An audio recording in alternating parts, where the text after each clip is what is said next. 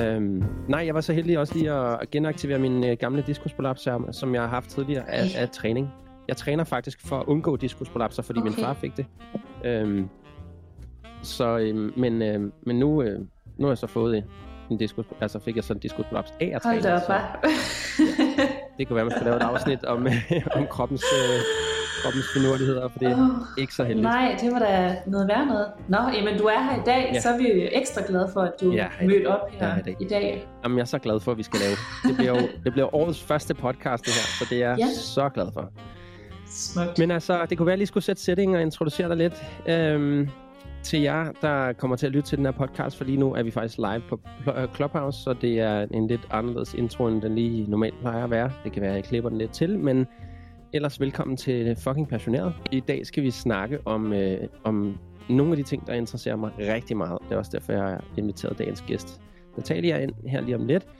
Øh, titlen på, øh, som jeg skrev ind på Clubhouse, det kan være, den ændrer sig, men det er Livet med angst og spirituel psykologisk bevidsthed.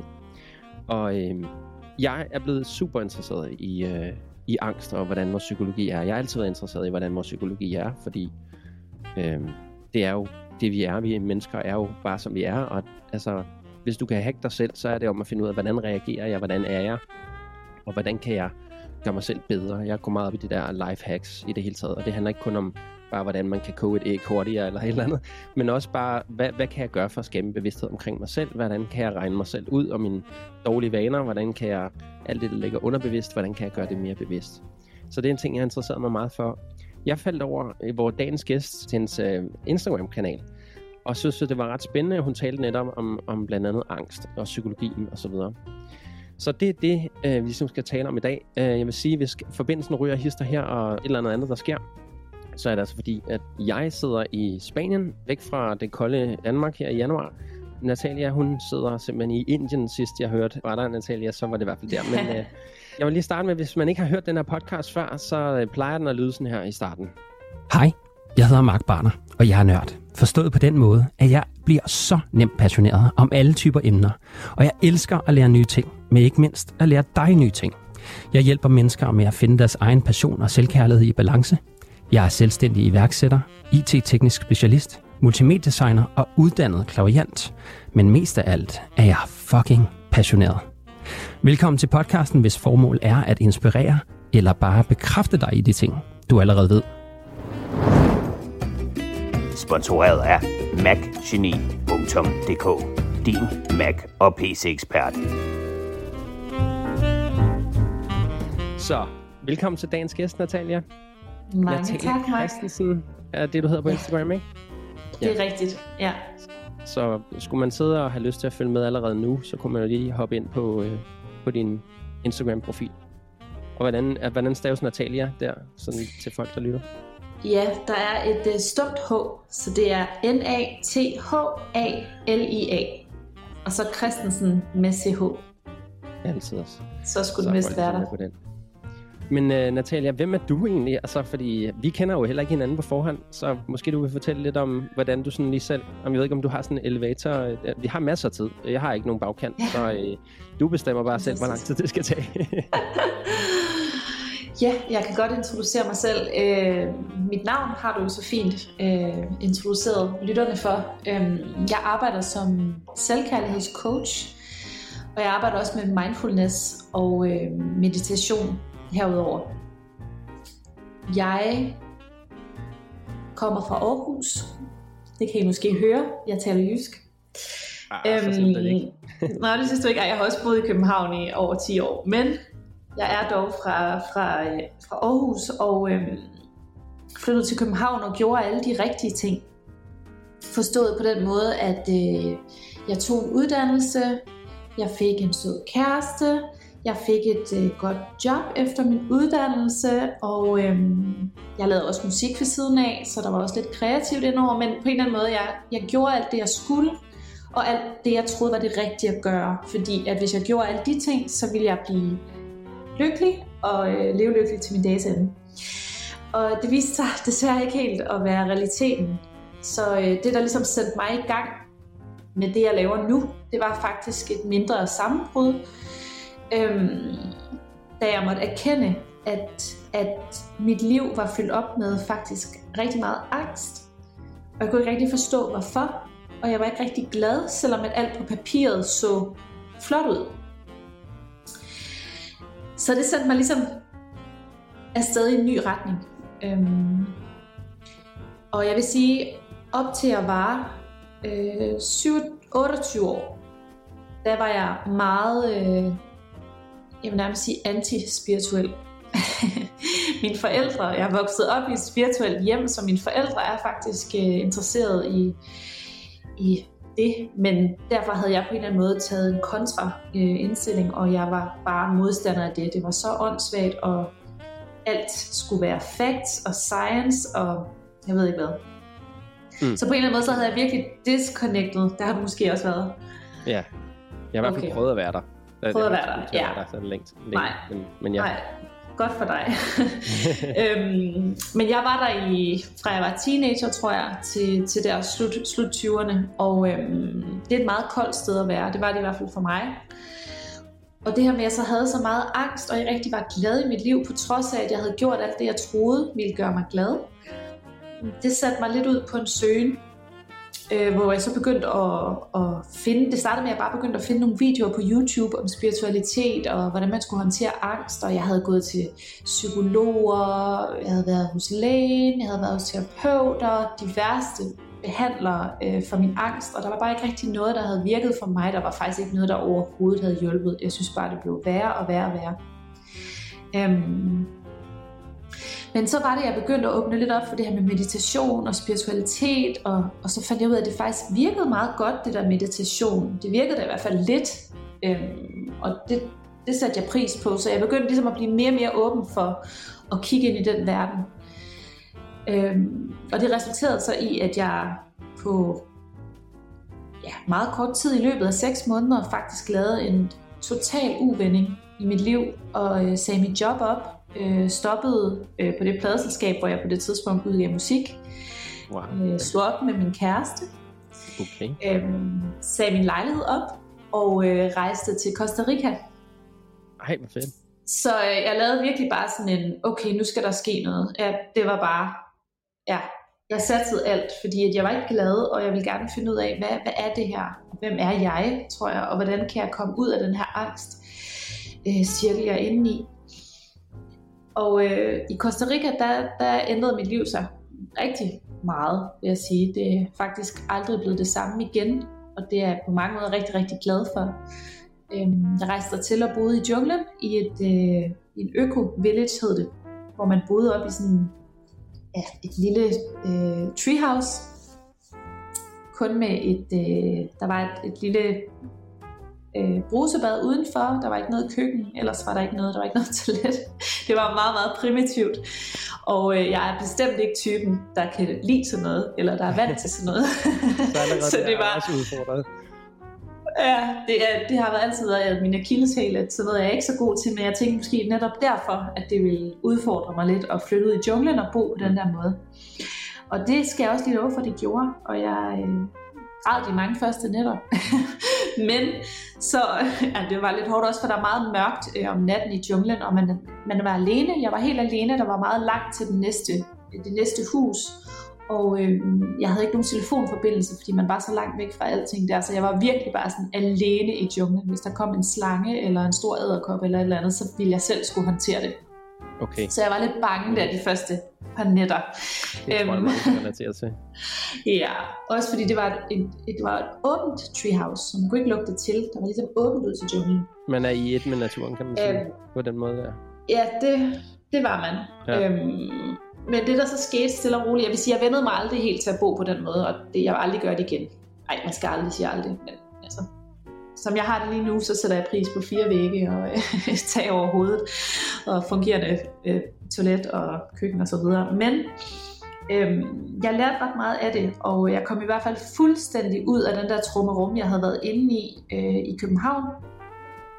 Fordi jeg ved ikke, om det kan, er måske mange lytterne, der godt kan relatere til, men, men når man ligesom er i sin verden øh, i Danmark, i København, eller hvor man nu ellers bor, så, så er det ligesom det, der fylder. Man, man det er ligesom hele ens verden. Og for mig var det i hvert fald sådan, at jeg kunne slet ikke forestille mig, at der fandtes en vigtig verden uden for det. Så det er ligesom dem, man kender, det man gør, og det var bare rigtig sundt for mig at komme ud af det, og være i et helt andet miljø, og være tæt på naturen, og få renset fuldstændig ud i min krop. Jeg, der var mange juice, juice, juicefaster, og jeg spiste kun økologisk, og det var meget sådan, der blev bare renset fuldstændig ud, øh, og det kulminerede så med øh, et ayahuasca retreat, jeg tog på der øh, i junglen, fordi det følte jeg, det havde jeg også haft i baghovedet øh, hele tiden, at det kunne jeg godt tænke mig at prøve. Wow, øhm, altså så ude i junglen i Costa Rica, du har, du har prøvet ja. ayahuasca? Ja. Det her der er også bare det eneste rigtige sted at gøre det, vil jeg næsten sige. Altså, hvis man virkelig skal være autentisk og øh, give den fuld gas. Ja, det var altså... Øh, det, var, det var virkelig vildt. Det var virkelig, virkelig vildt. Det lyder og, godt nok også vildt. Og så oven på alt ja. det, lige har været igennem, altså jeg mener bare sådan, ikke nok med, ja. du sådan, du bare lige tog ud og rejse, og så tænkte du, måske skal jeg prøve det der ayahuasca, som mange mennesker, så måske det vil være en normal proces.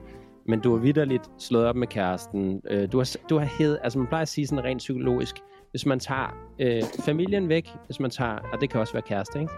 Øh, man tager sit arbejde væk, og man tager sit hjem væk, så er man så tæt på en mulig depression, som man overhovedet kan være. Altså man er så meget i fare for angst og depression, som man kan være. Men ja. du valgte alt det her bevidst. Altså, det gjorde jeg. Ja, og som også fordi til jeg et vil... andet land end dig. Og så ude Ja. i en eller anden jungle. Og så oven på det, også lige tænke, ja, jeg skal lige udfordre mig selv med ayahuasca også. Altså, jeg kan godt forstå det, fordi det har jo helt klart også været en, det lyder som en søgning. Altså, det lyder som om, du virkelig har tænkt, Ja. jeg bliver nødt til at finde ud af, hvad det er, der kan hjælpe mig. Fordi det, jeg Mm. har været i før, har ikke hjulpet mig. Øhm, men altså, det, wow, godt nok modigt. Ja, jeg var meget modig. Altså, jeg var faktisk modigere i den periode, end jeg synes, jeg er nu. nu, nu er jeg blevet lidt mere komfortabel igen, Ja. ja. og der er lidt mere ro på. Det er det, Øh, jeg vil ikke sige, at der er fuldstændig ro på, men der er mere ro på nu. Jo. Øhm, men det var virkelig sådan en periode, hvor jeg var bare sådan, også da jeg gik ind til den der ayahuasca, den første, jeg var til to ceremonier øh, på en uge, og da jeg ligesom gik ind til den første ceremoni, der var der mange, der havde sagt til mig, at man skal ligesom være indstillet på øh, at dø. Forstået på den måde, ikke forstået på den måde, at man kommer til at dø, men der kan ske mange ting under sådan en øh, ceremoni, og man skal ligesom gå ind med den indstilling, at man er klar til at smide alt. Og det er jo også en ego-død, ikke? Øhm, så, øh, så det var ligesom den indstilling, jeg havde på det tidspunkt, at nu ville jeg simpelthen se, jeg ville simpelthen opleve, hvad det her var. Og det øh, var en meget, meget stor oplevelse. Og øh, især den første, første, første nat, jeg gjorde det. Altså, er det sådan noget, hvor man typisk, når man hører, nu har jeg set sådan nogle dokumentarer om ayahuasca, er det, er det sådan, at man tager fem sessioner? Altså sådan fem dage, hvor man bare intensivt arbejder med sig selv, eller, eller er det bare sådan, at man prøver det en gang, og så var det bare det? Det er faktisk meget forskelligt, hvad folk gør. Okay. Øhm, der hvor jeg var, der var det et retreat, der varede 8 dage, og øh, så kunne man så, nogle gange så ville de lave tre ceremonier på 8 dage, og andre gange lavede de kun to. Og for mig og det hold, jeg vi var 8, 8 mænd, øhm, der lavede de kun to ceremonier, fordi begge ceremonierne var meget stærke, og øh, jeg ville heller ikke have kunne holde til mere, vil jeg sige. Øhm, to var rigeligt for mig.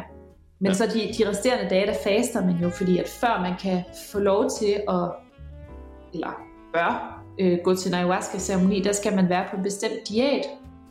Og så skal man så også faste op til selve, selve dagen. Men man skal være på, en- jeg var på diæt i cirka en måned op til, at jeg... Wow, okay, jeg Øhm. vidste ikke, det var så intens. For jeg ved det fra, øh, fra når jeg har brugt svampeterapi. Øh, Ja. Der faster man bare i minimum tre timer. Ja, inden. Ja, Hvad, hvad, hvad, hvad, hvad er det for noget diæt, man er på? Ja, altså det er jo så igen lidt forskelligt afhængig af hvilken shaman man arbejder med, men der er nogle meget generelle ting, og det øh, er for eksempel øh, meget, man må næsten ikke spise salt, Okay. og alt processed food, altså Mm. alt øh, hvidt en sukker og så videre. Ja, så mange, mange af de her øh, generaliserede sundhedstips, som man vil give øh, Gud og hver mand, det, det hører med under den her diæt, men der er også andre ting, så som at man ikke spiser løg og hvidløg, øhm, og at man ikke steger sin mad, heller ikke på panden. Så jeg spiste bare rigtig meget. Jeg spiste øh, kogte ris og bønner og frugt og øh, kogte grøntsager. Okay. Altså på, på en eller anden Ja. måde, så er, der, så er det også ret vildt, fordi det er jo altså en hel måneds forberedelse af din diæt. Det er jo, øh, altså nu kan det være, at vi kan komme an på det senere, også det der med at sætte en intention for noget, rent spirituelt Mhm. set. Det er jo en, en helt vild intention at sætte. Altså at sige, okay, jeg, jeg varmer simpelthen op en måned, inden jeg skal til en ayahuasca-ceremoni, fordi jeg tager det seriøst. Det er ikke bare sådan noget lidt ligesom nogle folk, der bare sådan, Åh, jeg øh, kan ikke lige finde ud af, hvorfor jeg er stresset, så jeg går bare lige ind i junglen for ayahuasca. Altså det, Mm. det er sådan, du bliver nødt til at, ligesom at sige, vil du det her? Altså, Ja, og der er jo nogen, der anbefaler, at man gør det i to uger, der er nogen, der anbefaler en uge, nogen anbefaler tre uger. Jeg havde ligesom tiden og overskud på det tidspunkt, så jeg tog bare en måned. Øhm, og det der også skete til selve begge ceremonierne, var jo, det er jo meget typisk, at folk kaster op øh, som noget af det første, Mm. når de drikker den her drik. Øhm, og det er ligesom fordi, at kroppen fysisk måske stadig, der har været nogle urenheder, og man, man skal af med nogle af de her vibrationer, så man, man kaster det ligesom op. Øhm, og for mig var det faktisk sådan til begge øh, sessionerne, at jeg kastede ikke op okay. Og jeg ved så ikke, der har jeg så selv tænkt senere, jeg ved ikke, om det var fordi, at min krop simpelthen var så renset. Altså igen, Ja, lige, nu, lige nu er min krop slet ikke lige så øh, sund eller øh, renset, som den var på det tidspunkt. På det tidspunkt var jeg bare Nej. meget ekstrem. Så, så øh, den var virkelig sådan klar til den her oplevelse. Mm, ja. Men min intention var med at drikke ayahuasca, det var selvfølgelig en, der var selvfølgelig den her spirituelle undertone med, at jeg gerne ville se, hvem jeg var. Øhm. Ja. Men jeg ville også gerne hele min angst, fordi jeg havde set mange dokumentarer og læst og hørt, at man kan hele helt utrolige ting med ayahuasca. Så jeg ville faktisk gerne, at min intention var at få helet min angst. Hvor, Øhm. hvor, det ved jeg ikke, om du fik sagt før, uden jeg opdagede det, fordi din historie var ret spændende. Øhm, hvor, hvor gammel var du, da du ligesom øh, møder din, eller oplever din angst, eller, eller oplever, jeg ved ikke, om man skal kalde det din angst, eller min angst. Det, det kan vi, det, det er jo det, vi måske kan komme frem til sidst. Ja. Øhm, om det er noget, om det er klogt at gå og kalde det, som om man ejer den, eller som om Ja. det er en selv. Men øh, hvornår oplevede du angst siden så meget, at du tænkte, det her, det er, det er det issue, altså hvor gammel var du? Jeg tror første gang, jeg havde et angstanfald, som jeg lige kan huske, der var jeg... Ej, det er faktisk sjovt lige mens jeg sidder og siger det her. Jeg skulle til at sige 14 år gammel, men jeg kan faktisk huske, at jeg har haft et angstanfald tidligere også. Øhm, Okay. Så det er faktisk spørgsmålet. Det jeg normalt øh, siger, det er fra jeg var cirka 14-15 år gammel, Okay, der har du i hvert fald haft bevidsthed på, at at jeg havde angst. Ja. ja. Men jeg kan huske, der har været nogle situationer, øhm, da jeg var mindre, 8-10 år gammel cirka, hmm, øhm, hvor jeg også har faktisk haft panikangst og fået Ja. nogle angstanfald. Jeg, jeg vidste nok bare ikke helt, det var det. Eller Nå, vidste jeg okay. på ingen måde, det var. Jeg anede ikke, hvad det var, jeg var lille. det er det, der er så ubehageligt ved angst. Man ved ikke, hvad der foregår. Ja, Det præcis. Men, Altså, man er klar over, hvad det er, man egentlig er bange for, og eller også så tror man, det er et eller andet, man er bange for, og så kører man det helt op. mm, ja, og kroppen, det, kroppen har ligesom sit eget liv. Den går bare i fight or flight, ikke? Altså, så adrenalin pumper rundt, og man er, altså den der følelse af, at man ikke, altså at flyve væk, at man ikke har nogen, øh, man er ikke rodfæstet, men Hmm. ja. Øhm, Ja, en hver lille men ja. strømtanke kan blive til virkelighed nærmest i ens krop. Altså, afhængig af, man er, og hvordan, hvordan man agerer på det.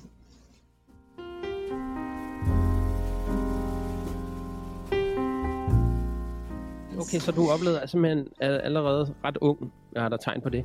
M- må jeg spørge om noget? Fordi Ja. jeg, altså, i min egen research af angst, der har jeg i hvert fald fundet frem til, at hvis ens mor går igennem ret... Jeg kan sige, nu ved jeg ikke, om du har indsigt om, hvad den, din mor var, og hvad hun lavede på det tidspunkt, Mhm. men, men øh, hvis ens mor går igennem i graviditeten øh, ret voldsomme ting, altså følelsesmæssige ting, emotionelt rutsjebanen, så hvis hun er meget stresset, eller pludselig skulle flytte, bliver smidt ud, og et brud med kæresten, manden, alt sådan nogle ting der, det kan være med til, at øh, man selv har en større mulighed for at udvikle angst. Altså simpelthen fordi amygdalaen i din mors hjerne udvikler et eller andet stof, og det kan aktivere, Ja. jeg kan ikke rigtig huske, hvordan, om det helt præcis er sådan, det foregår, men Okay. det gør i hvert fald, at din egen amygdala og din egen frontallap, som jo vist nok er der, hvor man får angst, øhm, er, altså det er jo fight or flight, som du lige nævnte, om, før, Mhm. nævnte før.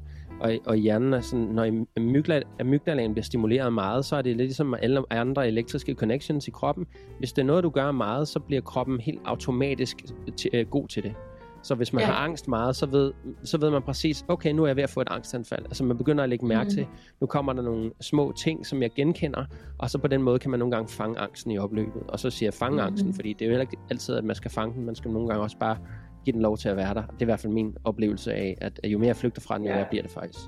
Men, men simpelthen amygdalaen er åbenbart, altså det er jo den, vi brugte til at finde ud af, når der er en tiger efter os, at, at vi bare kan finde ud af at flygte, ikke? Og vi har, Mhm, holder mhm. hovedet klart og alt sådan noget, men det er den, der fortæller dig, at du er i livsfare, nu skal du gøre alt, hvad der overhovedet er. Øh, men at den så bliver aktiveret, mens man sidder i en togkupé, eller i øh, en time i klassen, eller øh, har sex med kæresten, eller Mhm. øh, at man bare ligger i solen på en solseng i Spanien. Altså, det, det er jo ikke hensigtsmæssigt, at de dukker op der. Men jeg ved ikke, har, har du en indsigt i, hvordan din mor altså, havde det under din øh, graviditeten med dig? Jeg tror faktisk, min mor havde det godt øh, Okay. under graviditeten med mig. Ja, jeg tror, det var en, øh, en rigtig lykkelig og god periode. Okay. Øhm, Så det er simpelthen ikke, min øh, fars liv. Jeg, jeg, det er, hvad jeg ved. Det er, hvad Ja. jeg ved. Øhm, Ja, selvfølgelig.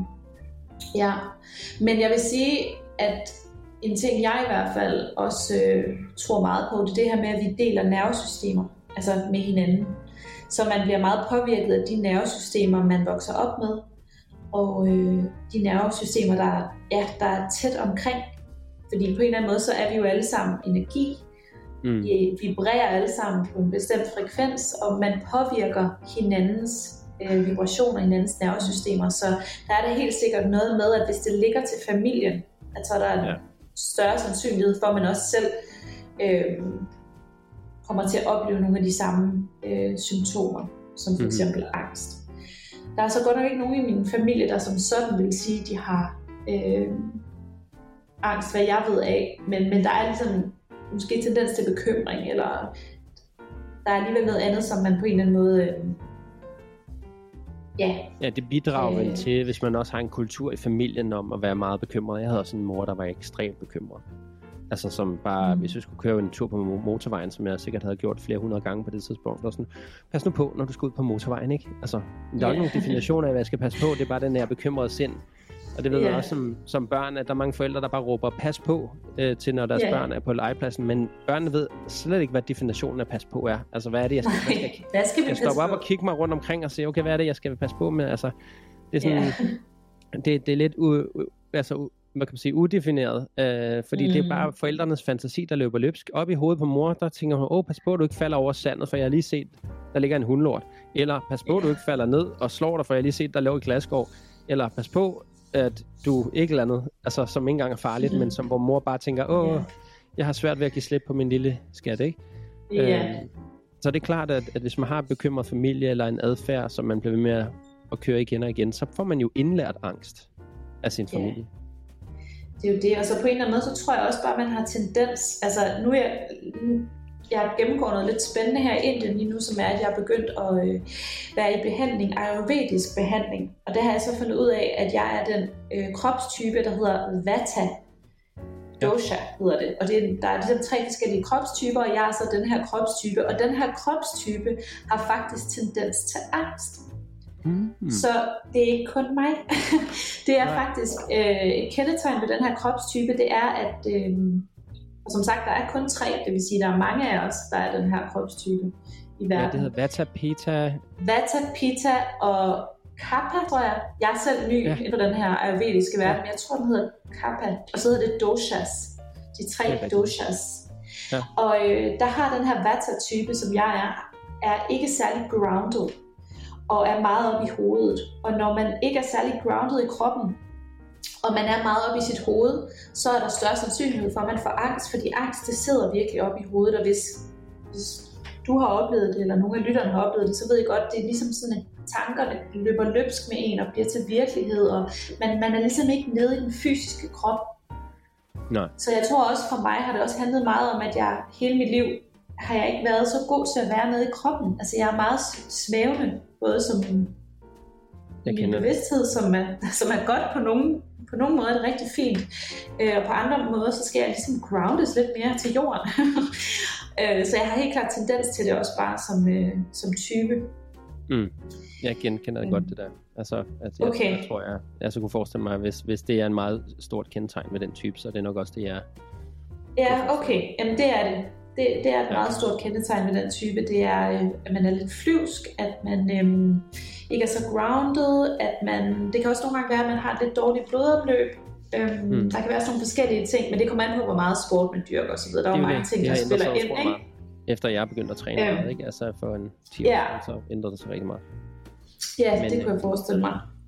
Men jeg kan også huske fra min klavianceuddannelse, at uh, apropos grounding, der vi skulle, vi lavede blandt andet, uh, da jeg blev uddannet som klaviant for en, hvad er det, fem år siden nu eller sådan noget. Um, der lærte vi blandt andet, at, uh, at skulle uh, rense huse, altså rense hjem.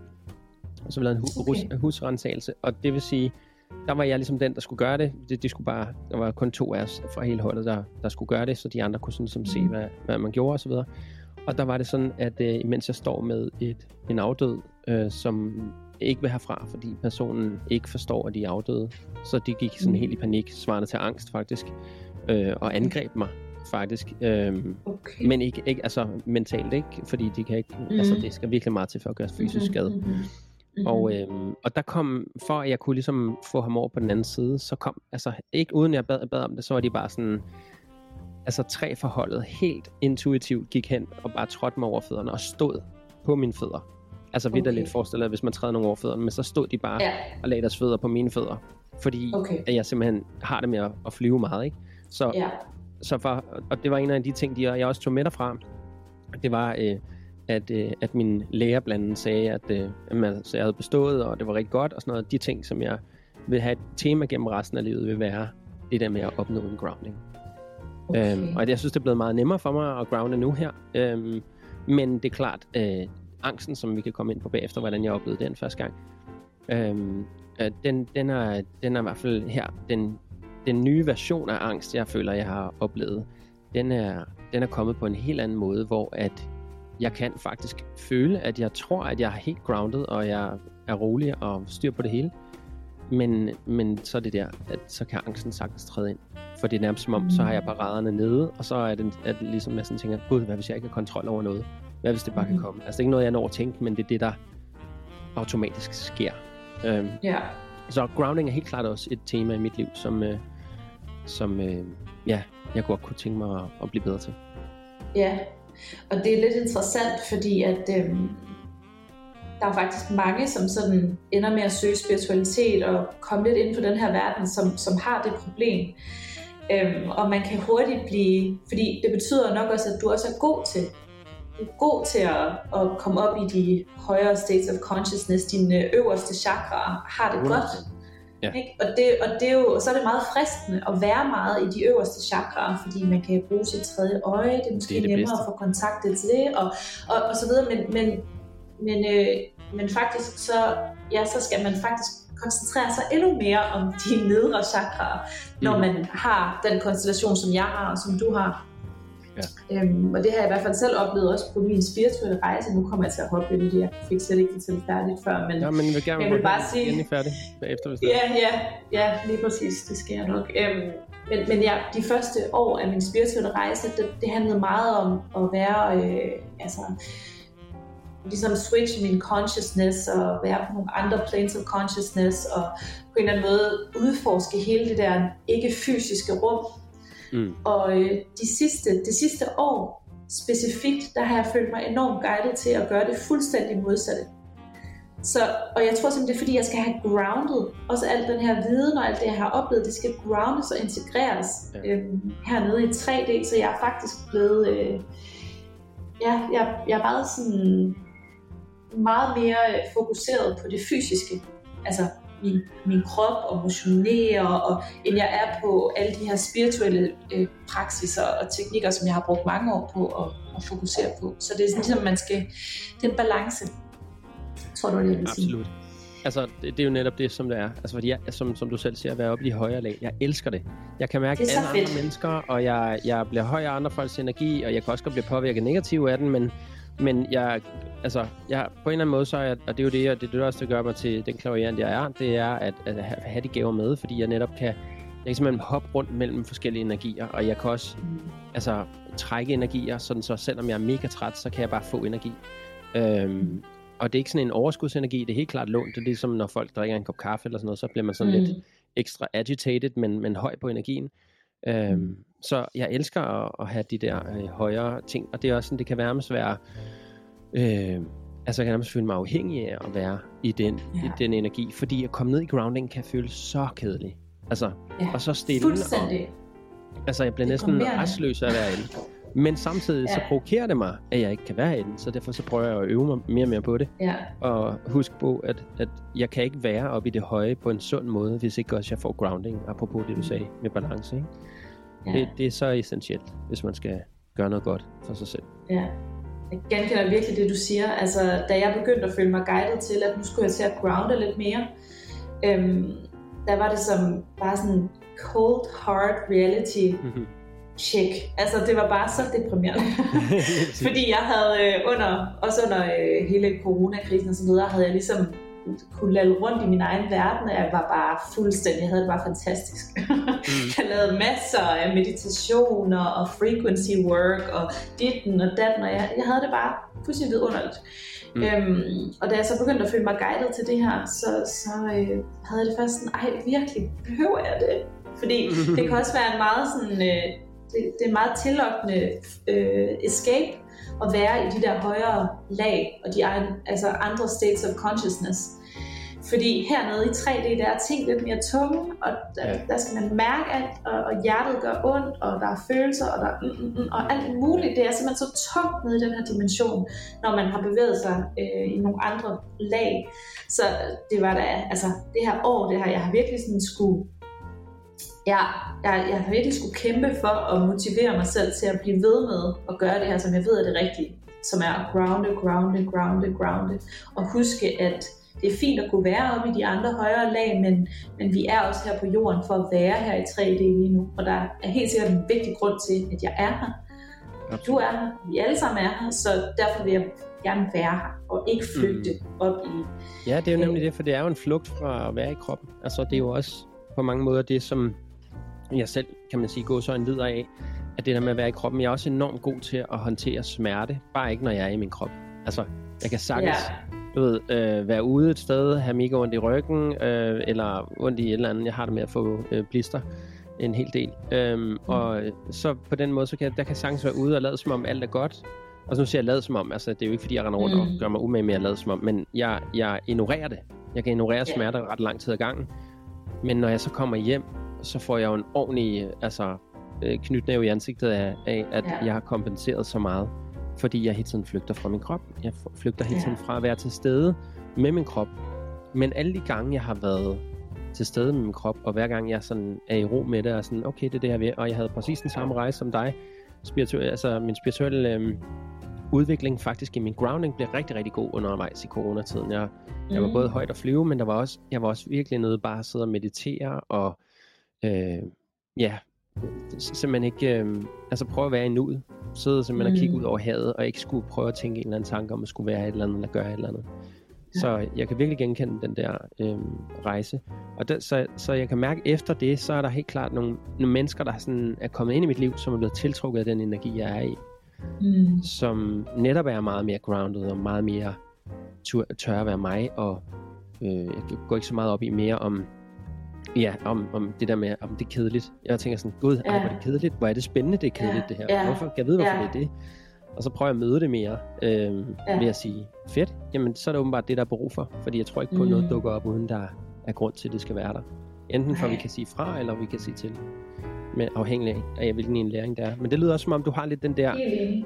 øh, at, at du møder ting i dit liv, og så, så er du sådan, altså hele din historie, det kan være, vi skal gå tilbage til den, men du har noget andet ved tilføje. Men, men hele det der øh, aspekt med, at du faktisk flygter hjemmefra, flygter ud af et forhold, flygter ud af et arbejde, Mm. ender nede helt i den anden ende af verden i Costa Rica, og så øh, flygter ud i en jungle, og så flygter ind i ayahuasca, øhm, for så at prøve at finde dig selv. Øhm, og det er ret spændende, hvis man tænker på det sådan rent visuelt. Okay, men du, du, hele det, som du var defineret som værende dig, alt det løb du fra. Men formentlig fordi, at det heller ikke rigtig var dig, men det var en konstrueret Mm. version af, hvor du voksede op, hvad andre folk synes om dig, hvilken job du havde, hvilken identitet har du tillagt det. Så det der med at virkelig rive sig selv helt ud af ligningen, og, og så komme et helt andet sted hen, det synes jeg er så fascinerende. Jeg, jeg, jeg prøver selv at gøre det tit, hver gang jeg falder ned i en vane. Hver gang der er en vane, jeg tænker, gud, jeg har lyst til, at det her, nu skal jeg have, om det er noget mad, jeg vil have igen og igen og igen, eller om det er, øh, jeg vil bare gerne hjem i min egen lejlighed, eller jeg vil bare gerne hjem i, øh, herhen, eller jeg vil bare gerne, hvad, hvad jeg, være i Danmark. Øh, fordi, ej, jeg skal heller ikke rejse for meget, fordi det bliver også, hvorfor, altså, det er også fjollet at rejse, jeg kan jo lige så godt bare være hjemme, og, og det koster sikkert også mere, og altså alle de her bekymringer, så bare sådan, okay, jeg bekymrer mig vildt meget om noget, jeg ikke har oplevet nu, så det, det vil sige, det er det, jeg skal. Mm. Og jeg, Mm. der bliver jeg sådan meget modsat. Og det lyder som om, at du Ja. nærmest også har taget den der og siger, åh, oh, jeg har det rigtig, jeg har det lidt for godt i at være det her, men samtidig med, at jeg har det så godt i at være i det, så, fly, så, så bryder jeg mig faktisk ikke om at være i det. Altså, Ja. øh, jeg er selv flygtet fra min lejlighed øh, og, min, og Danmark, og, øh, og tænkte, nu skal jeg bare bosætte mig i Spanien, og alt skal blive godt, og alle sådan nogle ting der. Men jeg er også bare klar over, at ja, det er nemmere for mig at være i Spanien, og det er nemmere for mig at være, hvor der er sol, selvfølgelig fordi det rent fysiologisk gør noget godt for mig med D-vitamin videre, Mm. øh, et varmere miljø, men man tager sine problemer med. Hvis man sidder længe nok Det det, samme man. sted, så kommer de samme angster, problemer og alt muligt andet Yes. kommer frem igen. Så det, Det det tænker jeg, det, har du også oplevet det på din, din rejse der? Ja, det har jeg. Altså, det oplevede jeg selvfølgelig før. Øh, selvfølgelig i Costa Rica, men der skete der så mange vilde ting, så det var bare et vildt år. Øhm, men nu er jeg så for eksempel i, i Indien. Øhm, og det har jeg været siden marts Okay. øh, sidste år, faktisk. Så i ret lang tid. Ja. Har vildt været frem og tilbage lidt, men jeg har primært været her. Og det vil jeg da helt klart sige, at øh, man kan ikke helt flygte. Man kan ikke flygte fra sig selv. Hmm. Så øh, Nej. det er jo måske også meget godt, for der er nok noget, man skal lære. Især hvordan- de ting, der er svære. Hvad, hvad, apropos det der med det svære at, at flygte, hvad, altså, gav ayahuascaen der så noget, hvor du tænkte, wow, okay, nu ved jeg, var du sådan, kom du ud af det klogere, end du var før, eller? Ja, det synes jeg. Øh, jeg kom ud af det med sådan en, øh, altså et, et åbent øh, kronechakra, vil jeg sige. Mm. Altså sådan i forhold til abilities, og i forhold til at kunne mærke energi og, og svæve på nogle andre frekvenser. Og sådan, der, der kom jeg ud med en helt anden. Altså jeg var helt rundt på gulvet i et halvt år bagefter. Ja. Øhm, Det er vel så også det, det er tilvænning. meget, meget, ja, det er tilvænding, og så var det det her med, at jeg kunne ikke helt kontrollere det til at starte med, så jeg kunne ligesom gå en tur på stranden, og så lige pludselig, så var jeg i en anden dimension. Så var jeg bare tjekket ud, altså sådan, og det var lidt skræmmende for mig i starten, at jeg ikke rigtig havde kontrol over det. Så der var meget, der skulle integreres for mig. Øhm, men det var fantastisk, jeg fik, fik, fik virkelig meget kærlighed, altså jeg blev virkelig fyldt op af kærlighed, og, og kom, kom, hvad skal man sige, kom fra den ceremoni med, med nogle minder, jeg aldrig vil kunne glemme. Altså nogle følelser, jeg har oplevet, og noget, noget jeg har oplevet i forhold til, hvem vi er, og hvad vi laver her, og hvem jeg er i virkeligheden, og at vi alle sammen er connected. Og, og have oplevet det på den måde, det, kan jeg, det, det kommer jeg aldrig til at kunne glemme. Det lyder også Så- helt fantastisk. Ja, så verden så, så ligesom anderledes ud bagefter, vil jeg sige. Altså, havde du også den her oplevelse af, at, øh, at vi alle sammen er connected til naturen og til hinanden, og ja, altså at man Ja. ja. kommer i en, en højere dimension, og man får lov til at, at mærke, at, at ens essens i virkeligheden er forbundet til alt andet. Altså, det, det er vibrationer og hvad ved jeg. Ja, Hvordan- fuldstændig. Jeg, jeg oplevede det med psilocybinsvampe, som, Ja. ja. som jeg har prøvet svampeterapi, og, og det er simpelthen noget af det bedste, jeg nogensinde har gjort. Det er en af mine Fantastisk. en af mine højdepunkter i mit liv er at prøve det. En fuld dosis af det. Og så øh, er det også en af mine hårdeste tidspunkter overhovedet. Fordi det var fa- Ja. faktisk sådan, at angst begyndte at manifestere sig meget mere hos mig. Og det er ikke, det er ikke mere end det var her i sommer. Mm-hmm. Mm. Øhm, og jeg tror, at jeg altid har haft en eller anden form for angst, som kommer sig af at have en, min far var meget voldelig. Hvis man hører nogle af mine andre podcast afsnit, så kan man høre øh, lidt om, hvordan jeg er vokset op. Men han var, var meget streng. Han var meget, meget dygtig øjenkirurg, men voksede op fattigt selv, og på den måde aldrig rigtig vidst, hvordan man... Altså, han har aldrig, har aldrig haft en god far, der var et forbillede. Min farfar, han var skuespiller og var også voldelig, og tæskede min farmor og børnene. Øh, min far sagde, at han vil aldrig tæske sin øh, kone, når en dag fik en. Men han glemte bare det der med børnene, fordi jeg fik i hvert fald tæsk. Okay. Og, Okay. øh, eller i hvert fald lusinger indenfuld. Og det, han var ja. rigtig god til at være en tyran. Han var, der var, altså, selvfølgelig har jeg haft mange gode stunder med ham, men helt klart flere dårlige. Og, øhm, og det, som jeg tror, at min angst blandt andet og beror på, det er, at det der, når jeg gik og nød noget, når jeg havde det rigtig godt, så var han mester i at komme og se og lægge mærke til, altså nærmest energetisk. Han var, havde faktisk også nogle gaver, han ikke selv var klar over. Han var helt klart, øh, havde he- healer evner. Men han havde også, som mange narcissister har faktisk evner, men øh, hans evne var bare, at lige med mig, var det i hvert fald ikke om, at jeg skulle have det bedre. Altså han var meget Mhm. glad for at tyrannisere, hvis der var noget, der gik godt. Så jeg, har, jeg voksede op i sådan en ting, men man skal passe på med at nyde for meget, for lige om lidt er der nogen, der kommer og tager det for en. Så det der med, man, måske, man skal Ja. ikke sige, helt det der med at sige, nå, nu kan det næsten ikke øh, øh, blive bedre, var. Altså hvis man siger sådan noget, så beder man nærmest bare om, at nogen kommer og ødelægger det for en. Og ja. det er sådan, jeg har vokset op. Sådan en mistillid. Okay. til, at det der, der kommer, der er godt, det får jeg sikkert ikke i store doser. Fordi lige om lidt, så kommer Nej. min far og ødelægger det for mig. Ikke? Så det Ja. kunne være, at... Øh, Øh, Nå, nu har du fået gode karakterer. Her er 500 kroner. Ej, hvor dejligt. Og så går jeg ud og køber, ved jeg ikke, en is og et eller andet, jeg samlede på på den tid, tidspunkt. Og så om aftenen, så er han blevet sur over, at jeg ikke har hvad jeg, spist op. Så han gik op ja. og smadrede alle de ting, jeg havde lige havde købt. Ej. Altså, så det kunne være sådan noget, og det tror jeg har været med til, at jeg har fundet ud af, okay, jeg skal bare have så meget kontrol som muligt. Mm-hmm. Altså sådan, så jeg kan regne ham ud. Og det er jo også derfor, ja. Mine evner omkring mine spirituelle, øh, em- empatiske evner er, er kommet. Så er det at simpelthen prøve at mærke min far hele tiden, uanset hvor han var, hvilken humør er han i, hvordan kan For jeg vidste, at jeg ikke kunne regne med ham. Så jeg blev nødt til at Mhm. læse hans humør inden. Og på den måde, så blev jeg en manipulator af hans humør, fordi jeg vidste, hvis det gik galt, så skulle jeg, skulle jeg i hvert fald sørge for at have mit på det rene hele tiden. Mm. Og han kunne finde på at udfordre mig med nogle historier, eller, eller spørge mig om et eller andet. Undskyld. Og så skulle jeg have nogle historier klar. Fordi mm-hmm. hvis Mhm. det ikke var en historie, han gerne ville høre, så vidste jeg bare, at det ville gå ud over mig igen. Mm. Så man bliver faktisk mester i at lyve, hvis man lever sammen Ja. med narcissister. Jeg kan se det, fordi Ja. min kæreste har et plejebarn, og noget af det, vi sådan, hende og jeg taler meget om, det er, at hun har også en tendens til at lyve om små ting. Øh, Mhm. Fordi der er en angst for, hvis nogen kommer og flipper fuldstændig ud Ja. øh, omkring det, eller der er, øh, hvad kan man sige, der er ligesom en, en, en handling, der kommer på grund af mm. det. Altså, at, det, at der kommer til at gå ud, af, ud over hende på en eller anden måde. Hun har også øh, mm. Lidt ret meget vold i, i hjemmet af hendes stefar. Så, altså, øh, så, så der, er, der er sådan en, en gennemgående tema, jeg tror, det kommer så fra det. For jeg ved i hvert fald fra mit 6. gang, jeg prøvede svampe, eller det har nok været flere gange, men, men et fulde trip, øh, hvor det, jeg brugte det som terapi, der fik jeg simpelthen et angsttilfælde, fordi jeg fik et adrenalinkick i frygt for, at jeg havde sådan lige pludselig en jeg tænkte sådan, gud, hvad hvis jeg ikke kan stole på mig selv? Og jeg har også OCD, men ikke noget, jeg lider af til daglig. Noget, jeg har håndteret og, og sådan, du ved, lever med, uden at det, det fylder særlig meget i min hverdag. Øhm, og, og det var sådan et øjeblik sådan noget med, hvad hvis jeg ikke har kontrol over det her? Hvad hvis jeg virkelig er dumme mig? Hvad hvis jeg slet ikke kunne tåle det her? Og jeg har jo studeret svampe øh, på højt niveau, og i et helt år, inden jeg overhovedet rørte den. Og øh, man kan ikke dø af psilocybinsvampe. Du kan ikke blive sindssyg af psilocybinsvampe. Du kan ikke, øh, der, der er ikke nogen bivirkninger til det, som er langvej, så du kan ikke miste dig selv til det. Men Mm. i det tidspunkt der, der fik jeg da adrenalinkick, lige da det skete. Og så havde jeg jo læst på, at det værste, man kan gøre med svampe, det er at blive bange. Fordi så fortsætter den der frygt.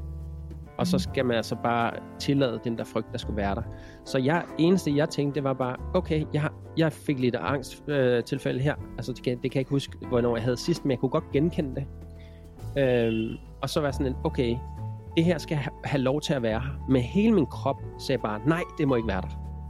Men ja. min bevidsthed var, jo, det skal have lov til at være det, det må godt være der. Jeg er bare angst lige nu, og angst er bare en følelse, og den går væk.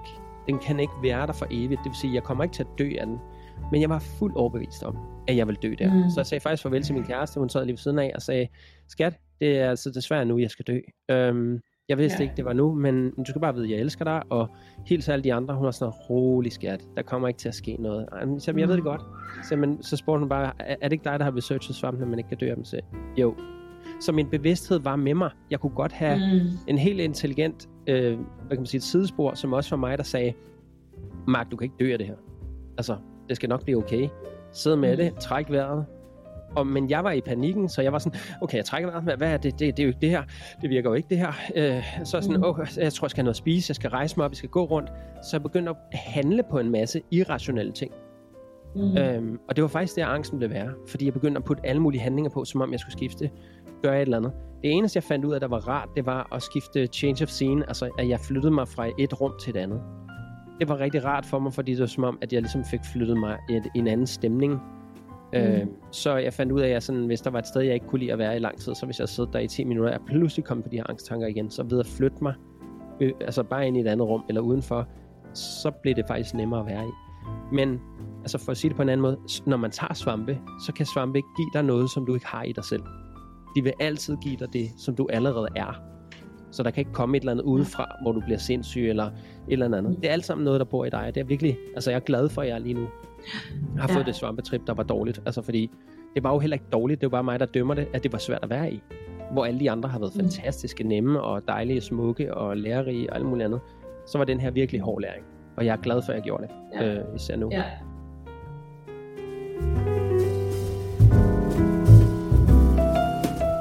Men jeg ved ikke, om du kan genkende nogle, nogle af de ting. Altså, nu har du selvfølgelig haft en, en lyder til en bedre oplevelse med ayahuasca, men, men om du kan genkende nogle af de ting, jeg ser om, om angst. Altså, for ja, altså, ja fuld, fuldstændig. Og jeg vil faktisk lige sige i forhold til det med ayahuasca, det var min første oplevelse, der var meget stor og smuk. Min, min nummer to oplevelse var totalt traumatiserende. Præcis. Øhm, eller det, du beskriver der. Altså, det var fuldstændig, det var den værste nat i mit liv, mm, og sammen. hvis jeg kunne overleve det, så kan jeg, så kan jeg klare alt. Altså, sådan har jeg det, fordi det var... Øh, det varede i mange, mange timer, og øh, jeg, jeg cyklede mig selv ud, ligesom du fortæller, du gjorde faktisk, hvor jeg lige pludselig jeg var i det her rum, og så tænkte jeg, så begyndte min hjerne at tænke, åh oh, nej, hvad nu hvis du har fucket med nogle dimensioner, så du for evigt er stok i yeah. en eller anden helvedes dimension. Altså det var sådan noget, sådan nogle tanker begyndte at komme frem, og jeg var ligesom i det her trip allerede. Det var bare sådan, jeg kommer aldrig ud herfra, og nu har jeg ødelagt det, og det er for sent, og jeg har allerede drukket det, og jeg skulle aldrig have gjort det. Og, øhm, samme tanker, jeg havde. Og sådan kørte den bare. Ja, så jeg kan virkelig relatere til det. Og sådan var mit nummer to trip, og, og det værste var så, at alle de andre der om morgenen, det var jo sådan gerne en 6 timer, sådan et øh, ayahuasca mm, trip. Ja. Og øh, da de andre så kom tilbage om morgenen og blev sig selv igen, der blev jeg bare ved med at være i det her space. Og jeg kunne ligesom ikke komme ud af det, så jeg endte med at have været i det i altså sådan over 10 timer. Og de andre tog hjem og spiste morgenmad, og, og to af shamanerne blev nødt til at blive hos mig og prøve at få mig ud af det. Så det var virkelig sådan, wow. puha, da jeg så kom tilbage, der var jeg virkelig, virkelig rystet. Men det har lært mig, igen, jeg vil sige det samme som du siger, det har lært mig så meget, og jeg vil ikke være det for uden, men det er stadig et traume, jeg på en eller anden måde arbejder med. Ja, det er præcis godt forestille mig. Også fordi, altså, jeg ville aldrig ønske at opleve det igen, og jeg havde også netop det der med, at jeg kan huske på et tidspunkt i mit trip, så ser jeg ser mig selv udefra. Jeg kan se, at min kæreste sidder øh, udenfor, og jeg ligger sådan på græsset udenfor, og over hos naboen kan, er, ved jeg, at min nabo er inde i huset. Og jeg har sådan en bevidsthed om, at jeg kan se alle tre på en gang. Men jeg kunne ikke genkende, at det var mig, der var den ene. Og det var simpelthen så mhm. skræmmende, hvor jeg sådan, gud, jeg er jo blevet sindssyg. Jeg har jo fucket ja. med det. Jeg har jo taget for meget. Skal det siges, ja. man kan ikke tage for meget psilocybin, fordi der, den har kun den virkning, den har. Det, ja. det eneste, der sker, det er, at, at du egentlig bare får et fuldendt trip, mm. og at det måske var lidt længere. Ikke? Men jeg, jeg kommer ret hurtigt ud af det øh, på 3,5 timer, til trods for, at jeg havde taget det, der hedder en hero dose, for jeg tænkte, nu har jeg prøvet det de der 6-10 gange. Øh, nu vil jeg gerne dybt ned og mærke øh, det, jeg skal arbejde med, og alt muligt andet. Og det ja. skal jeg love for, at jeg fik lov Det fik du lov til at gøre. Ja. ja. på, på med at ønske sig de der ting, i hvert fald hvis man ikke definerer, ja. at det skal være en god oplevelse. Men jeg, der, jeg, som du selv siger, og selv oplever, jeg er da glad for det, og, øhm, og det, der, det er der skete så mærkeligt næste dag, fordi du siger 10 timer, altså jeg føler, at jeg var ude efter det 3,5, hvor jeg i hvert fald kunne tale og sige, okay, nu ved jeg ikke, jeg bliver ikke angrebet mere. Men, mm. men jeg var stadig sådan, jeg står i Harald Nyborg to dage senere, og går ned ad, ad gangen, og jeg går, jeg elsker også noget værktøjsmagasiner, og altså øh, værktøj, og ja, det ved jeg ikke, jeg bliver altid kreativ og får lyst til at bygge et eller andet. Øhm, en af, endnu en af mine mange passioner. Øhm, og så øh, er der egentlig ikke rigtig noget mere, jeg skal have, men jeg går bare sådan og brainstormer og tænker, ah, det kunne være meget sjovt at købe sådan en lille vandslangens ting, og så kan jeg lige autovande mine, mine hjemmelavede planter og mine små grøntsager og urter og sådan noget der. Ej, det er meget... Og lige pludselig så er jeg bare sådan, wow, så får den der følelse, at hele min krop bliver varm, og at øh, det hele vibrerer, og det er som om, jeg kan ikke se tingene tydeligt. Det er som om, at den måde, jeg kigger på verden, den bliver bare ændret på sådan 2-3 sekunder. Og, jeg, ja. og det, er sådan, det er næsten tunnelsyn. Altså, jeg får sådan, at tænker, hvad, hvad sker der? Altså, jeg kan simpelthen ikke forstå, hvad der, hvad der foregår. Mm. Og så tænker jeg, gud ja, det, det her, det har jeg prøvet før. Det er lidt ligesom det der trip, jeg var på. Og det er jo ikke mere end tre dage siden, når man ved, at psilocybin, øh, altså, man ved jo faktisk, når man laver terapi, og det er jo det, jeg har været interesseret i og forsket i, eller researchet i, Øhm, og så forsket med mig selv, ikke? Øhm, og man ved, at man med psilocybinsvampe kan være glad i op til en 5 dage til en uge, 10 dage senere. Altså, på Mm. grund af, at man har været i et trip, så ved man, at mennesker kan bruge det som en slags lykkepiller. Hvis man mikrodoserer det for eksempel. Men hvis du tager et fuldt trip, så har det også den funktion, at det kan vare længere. Så det var ligesom, om jeg fik lov til lige at blive påmindet om, at det der angst, det var ikke bare noget, der var i mit trip, men det var også noget, der var mig. Ja. Men jeg havde ingen årsag til det. Jeg husker ikke på det tidspunkt nogen følelse i mig, andet end, end, end ja, det kan være, at jeg måske har vaklet på fødderne, fordi jeg lige skulle dreje mig og kigge på et eller andet. Og den vaklen føltes, eller mindede mig om at være i det der trip, hvor jeg havde angst. Og så det, jeg så triggede, var så åbenbart at, at, at starte sådan et angst. Men det øh, angstanfald, og det, det varede så kun to sekunder, tre sekunder, men nok til, at jeg tænkte, wow, wow shit, det her er altså ikke for sjov. Det her, det er noget, der er i mig. Altså, det er ikke noget, øh, svampen har installeret i mig.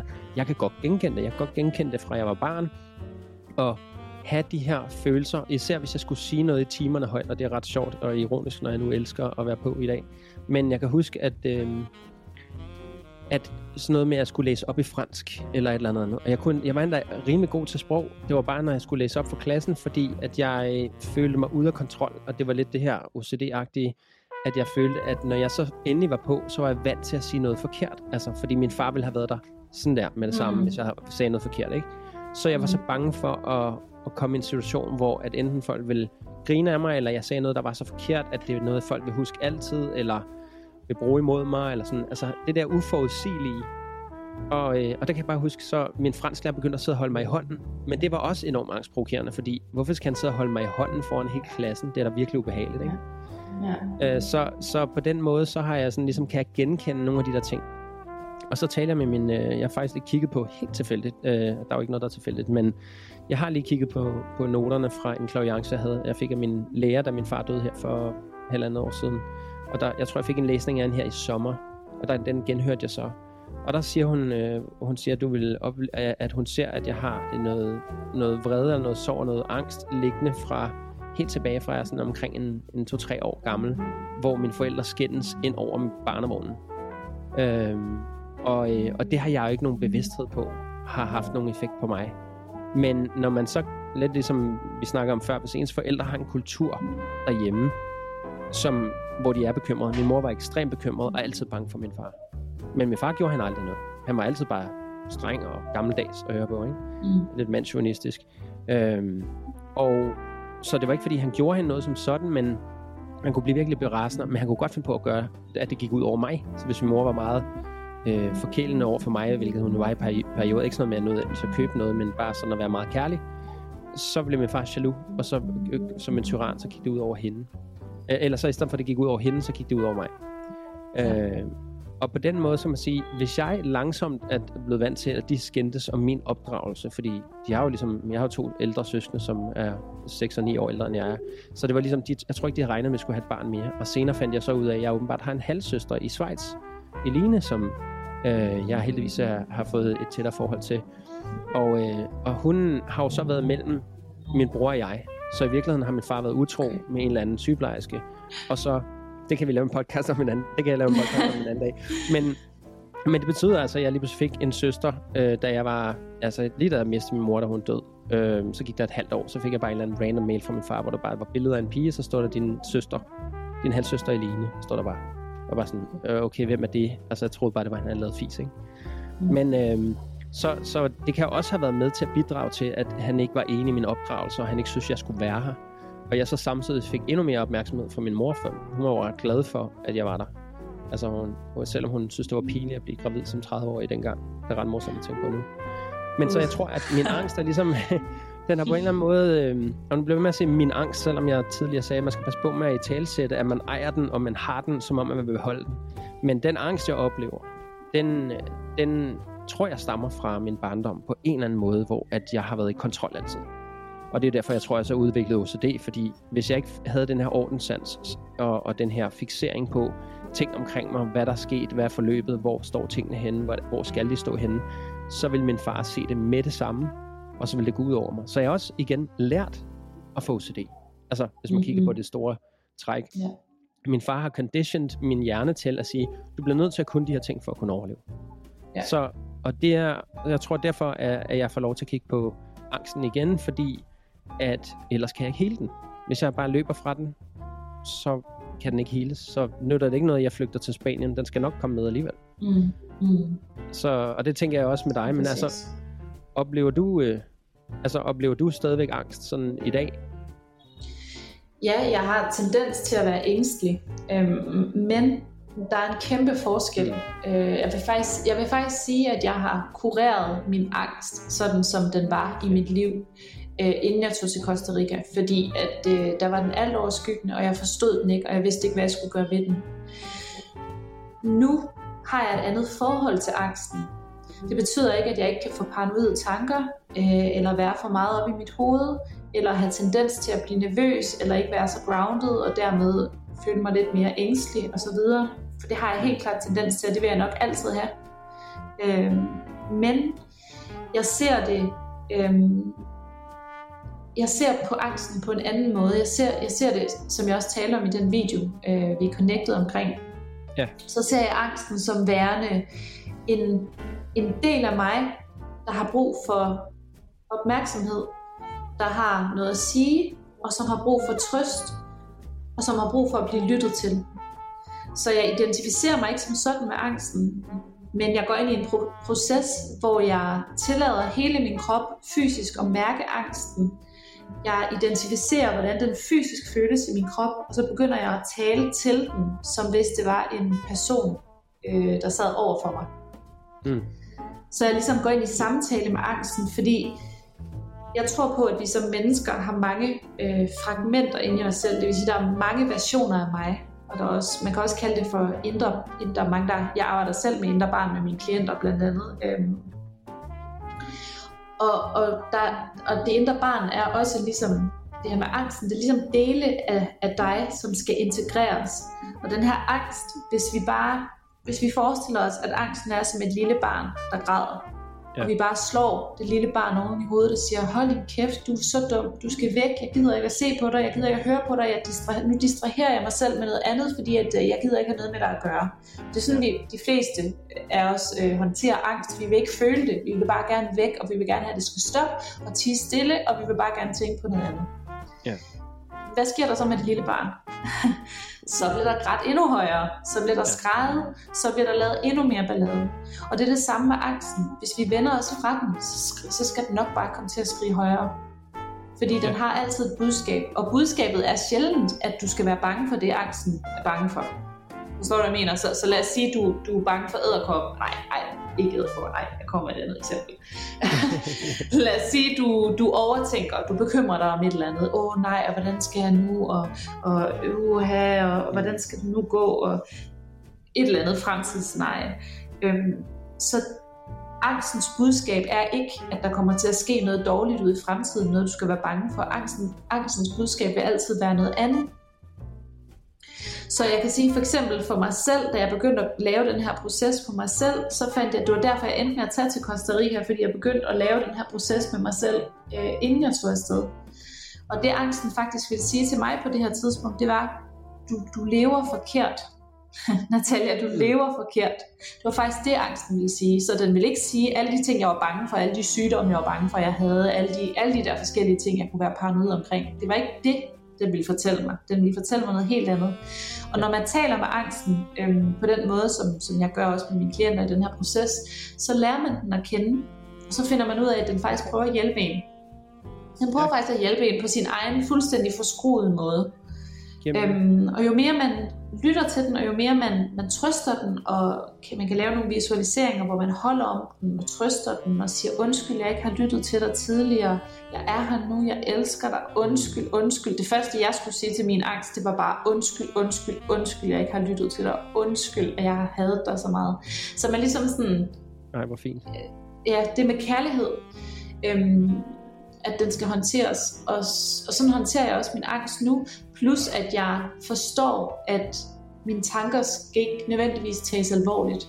I løbet af en dag, så jeg ved ikke, hvor mange tusindvis af tanker vi alle sammen tænker, og de skal ikke alle sammen tages alvorligt. Ja. Altså, den kører bare derud af, så det er også, jeg har fået et andet, også med det spirituelle og så videre. Mm. Så jeg har fået et andet forhold til, hvordan hjernen tankerne ligesom bare strømmer, og hvad der, hvad der er virkeligt, og hvad der ikke er virkeligt.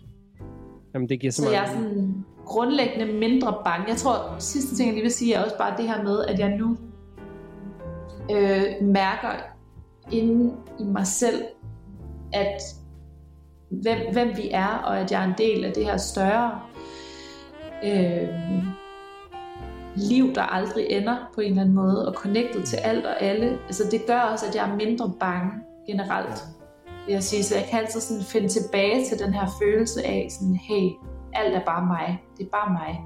Ligesom du også sagde at du havde oplevet det der med, sådan, det er noget, der findes inde i mig. Ja. Det er bare mig. Det er bare mig. Ja, det er Øhm. jo. Altså, det, det er den, som du selv siger, det er også lidt smukt at huske sig selv på. Det er ens indre barn, der, der savner trøst, og at, at angsten, man møder, og, og der opstår i en, er i virkeligheden er bare et, et, en, en del af en.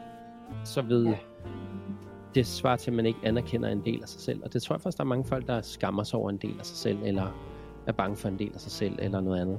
Øhm, så på den, på den front, så kan man måske have lyst til at flytte sig fra det. Men i virkeligheden, så lærer man mere ved at, at gå det i møde.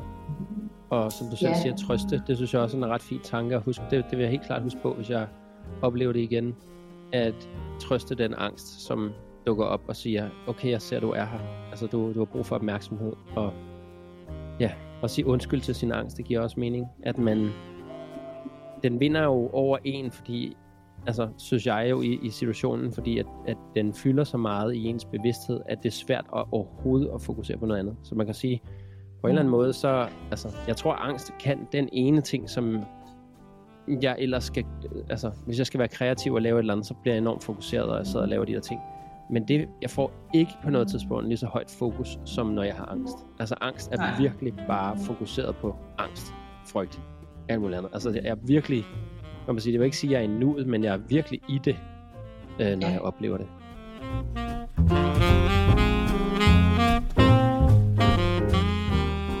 Ja, og det er jo fordi, du skal kunne løbe fra løven, eller du skal kunne Ja. ja. øh, dræbe løven, eller hvad man skal sige. 100%, det er jo din ja. krop, der gør klar til kamp. Og det er altså et, et højt fokus. Jeg tror, der er mange sådan nogle, jeg kunne forestille mig sådan nogle, øh, hvad hedder de, WMA-fighters, eller øh, sådan noget Ultimate Fighting, øh, folk, der skal ud og slås med nogle andre på, på en bokserscene. Jeg tænker, de må, de må næsten få den der på et eller andet tidspunkt, hvor de kan mærke, okay, nu har han fået mig ham her. At de lige et øjeblik bliver ramt af den der angst, og så tænker angsten bare, jeg skal fandme ikke ligge her, altså, og, og tage imod bank. Jeg nu rejser mig bare, og så smasker ham. Det er også derfor, man mange gange ser sådan nogle folk, der virkelig er der, hvor man tænker, det der kan du ikke redde dig ud af, altså sådan en eller anden stor bølge eller et eller andet. Men hvis de frygter nok for deres liv, så kan ens krop bare mm. Så meget. Så det er jo ikke dumt, at den er der. Altså, det er jo, det er jo, det er jo virkelig en, en ret sej side af en selv, eller hvad man skal sige. Men det, det jeg synes, det er en sej side af- mig selv, hvis jeg Helt tænker vildt. på, at jeg kan bruge den til faktisk at overleve med. Altså, Ja. det kan godt være, det er Den skal bare ikke være skal overleve. Det skal bare ikke være Så- aktiv, når jeg sidder og spiser en eller anden random middag med familien, eller øh, at der er nogen, der stiller mig et spørgsmål øh, i, et eller andet klasselokale. Det giver ikke nogen mening, at den er der så meget der. Mm. fordi der er ikke noget at være bange for, men det er derfor, jeg hele tiden husker på, og jeg husker det fra en ekskæreste, jeg engang havde, som led meget af panikangst, og øh, som var min, faktisk min bedste veninde, og jeg blev så kæreste med hende på et tidspunkt, og vidste ikke, hun havde panikangst. Altså, vi havde simpelthen været venner i, hvad, 5-6 år, og jeg anede ikke, hun havde panikangst, indtil jeg, vi så blev kærester og var sammen i halvandet år. Og det fyldte simpelthen så meget for mig, det der med, at hun...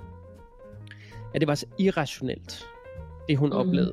Og hendes argumenter for, hvorfor alting var bare forfærdeligt, og det hele er bare... Og, øh, det var sådan en, en opgivenhed, der boede i hende Mm. på det tidspunkt. Og, øh, og, og i, i mit liv larmede det vildt meget, fordi jeg var bare sådan øh, lidt naiv, når det kom til sådan nogle ting, og tænkte sådan, slap dog af, altså, der sker jo ikke noget. Altså, jeg tror, at øh, vores største skænderi, som også var det, der gjorde, at, at, vi- at vi stoppede forholdet, øh, det var, at det handlede om noget maling på nogle bukser øh, til en gallerifremstilling eller sådan noget lignende, ikke? Mm-hmm. Øh, og det, som man siger, det er jo irrationelt at flippe ud over noget maling på mine bukser, men det var jo så meget mere, at hun havde følt det der, og det kan jeg jo godt se nu. Øh, det var så meget mere, altså hun skulle ud og lave en fanisering, hun skulle præsentere nogle ting, der kom en masse gæster, hun vil gerne være på, og nu er der maling på hendes bukser. Var bare sådan, hey, du er ligesom billedmaler, så det er jo okay, der er maling på dine bukser. Og, altså, men, men det, det nødde ikke noget, jeg brugte rationale til hende. Selvfølgelig kunne rationale måske hjælpe hende. Jeg ved ikke, hvad der var sket, hvis jeg ikke havde sagt noget. Så kan det være, at hun selv er kommet ud af det, eller det kunne også være, at det var blevet værre. Men øh, det gjorde i hvert fald, at, at det endte med, at hun, altså, hun opførte sig som om, at jeg ville øh, slå hende ihjel eller et eller andet, ved at, at Mhm. prøve at stabilisere hende og hjælpe hende. Men jeg vidste jo ikke, hvordan, hvordan jeg skulle håndtere hende. Det var første gang, hvor jeg tænkte sådan, angst, det giver bare slet ikke nogen mening. Hvorfor har man angst? Altså, det er så Mhm. irrationelt. Men jeg ved jo godt, det er rent fysiologisk. Så det var ikke en dom af hende. Det var bare om, altså jeg vidste bare, det her, det kan jeg ikke håndtere, hvis det sker igen. Fordi jeg blev, jeg blev vidderligt bange for hende. Altså, Ja. jeg blev bange for hendes måde at tænke på, og hendes reaktionssystem. Jeg synes, det var så irrationelt. Jeg følte et øjeblik, at jeg snakkede med en sindssyg person. Men når jeg selv har oplevet angst, så forstår jeg godt, hvorfor hun reagerer sådan. Jeg forstår godt, hvordan små ting kan fylde enormt meget. Fordi det, det, man, man får ligesom taget sin krop over på en eller anden måde af det i mellemtiden.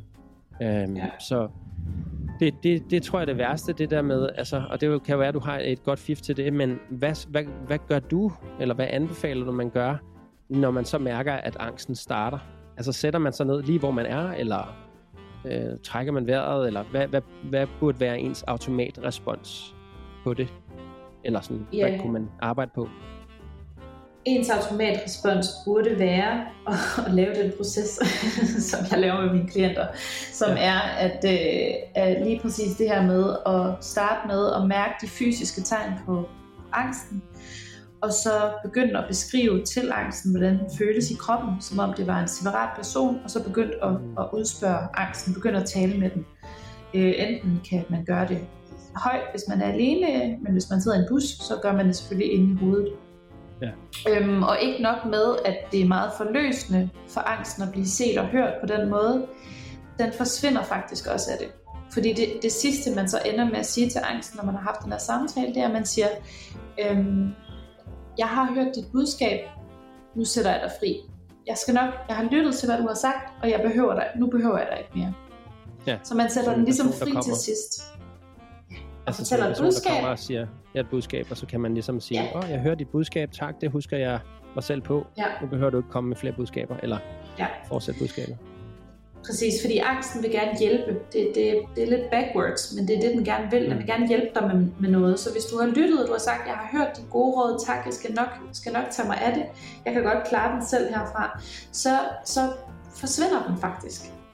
Altså, så, så hvis man laver den her proces, hver gang man får ængstlige tanker, og hver gang man begynder at kunne mærke den her angst komme, komme frem i kroppen, så forsvinder den. Den fordufter stille og roligt, når den har sagt det, den vil sige.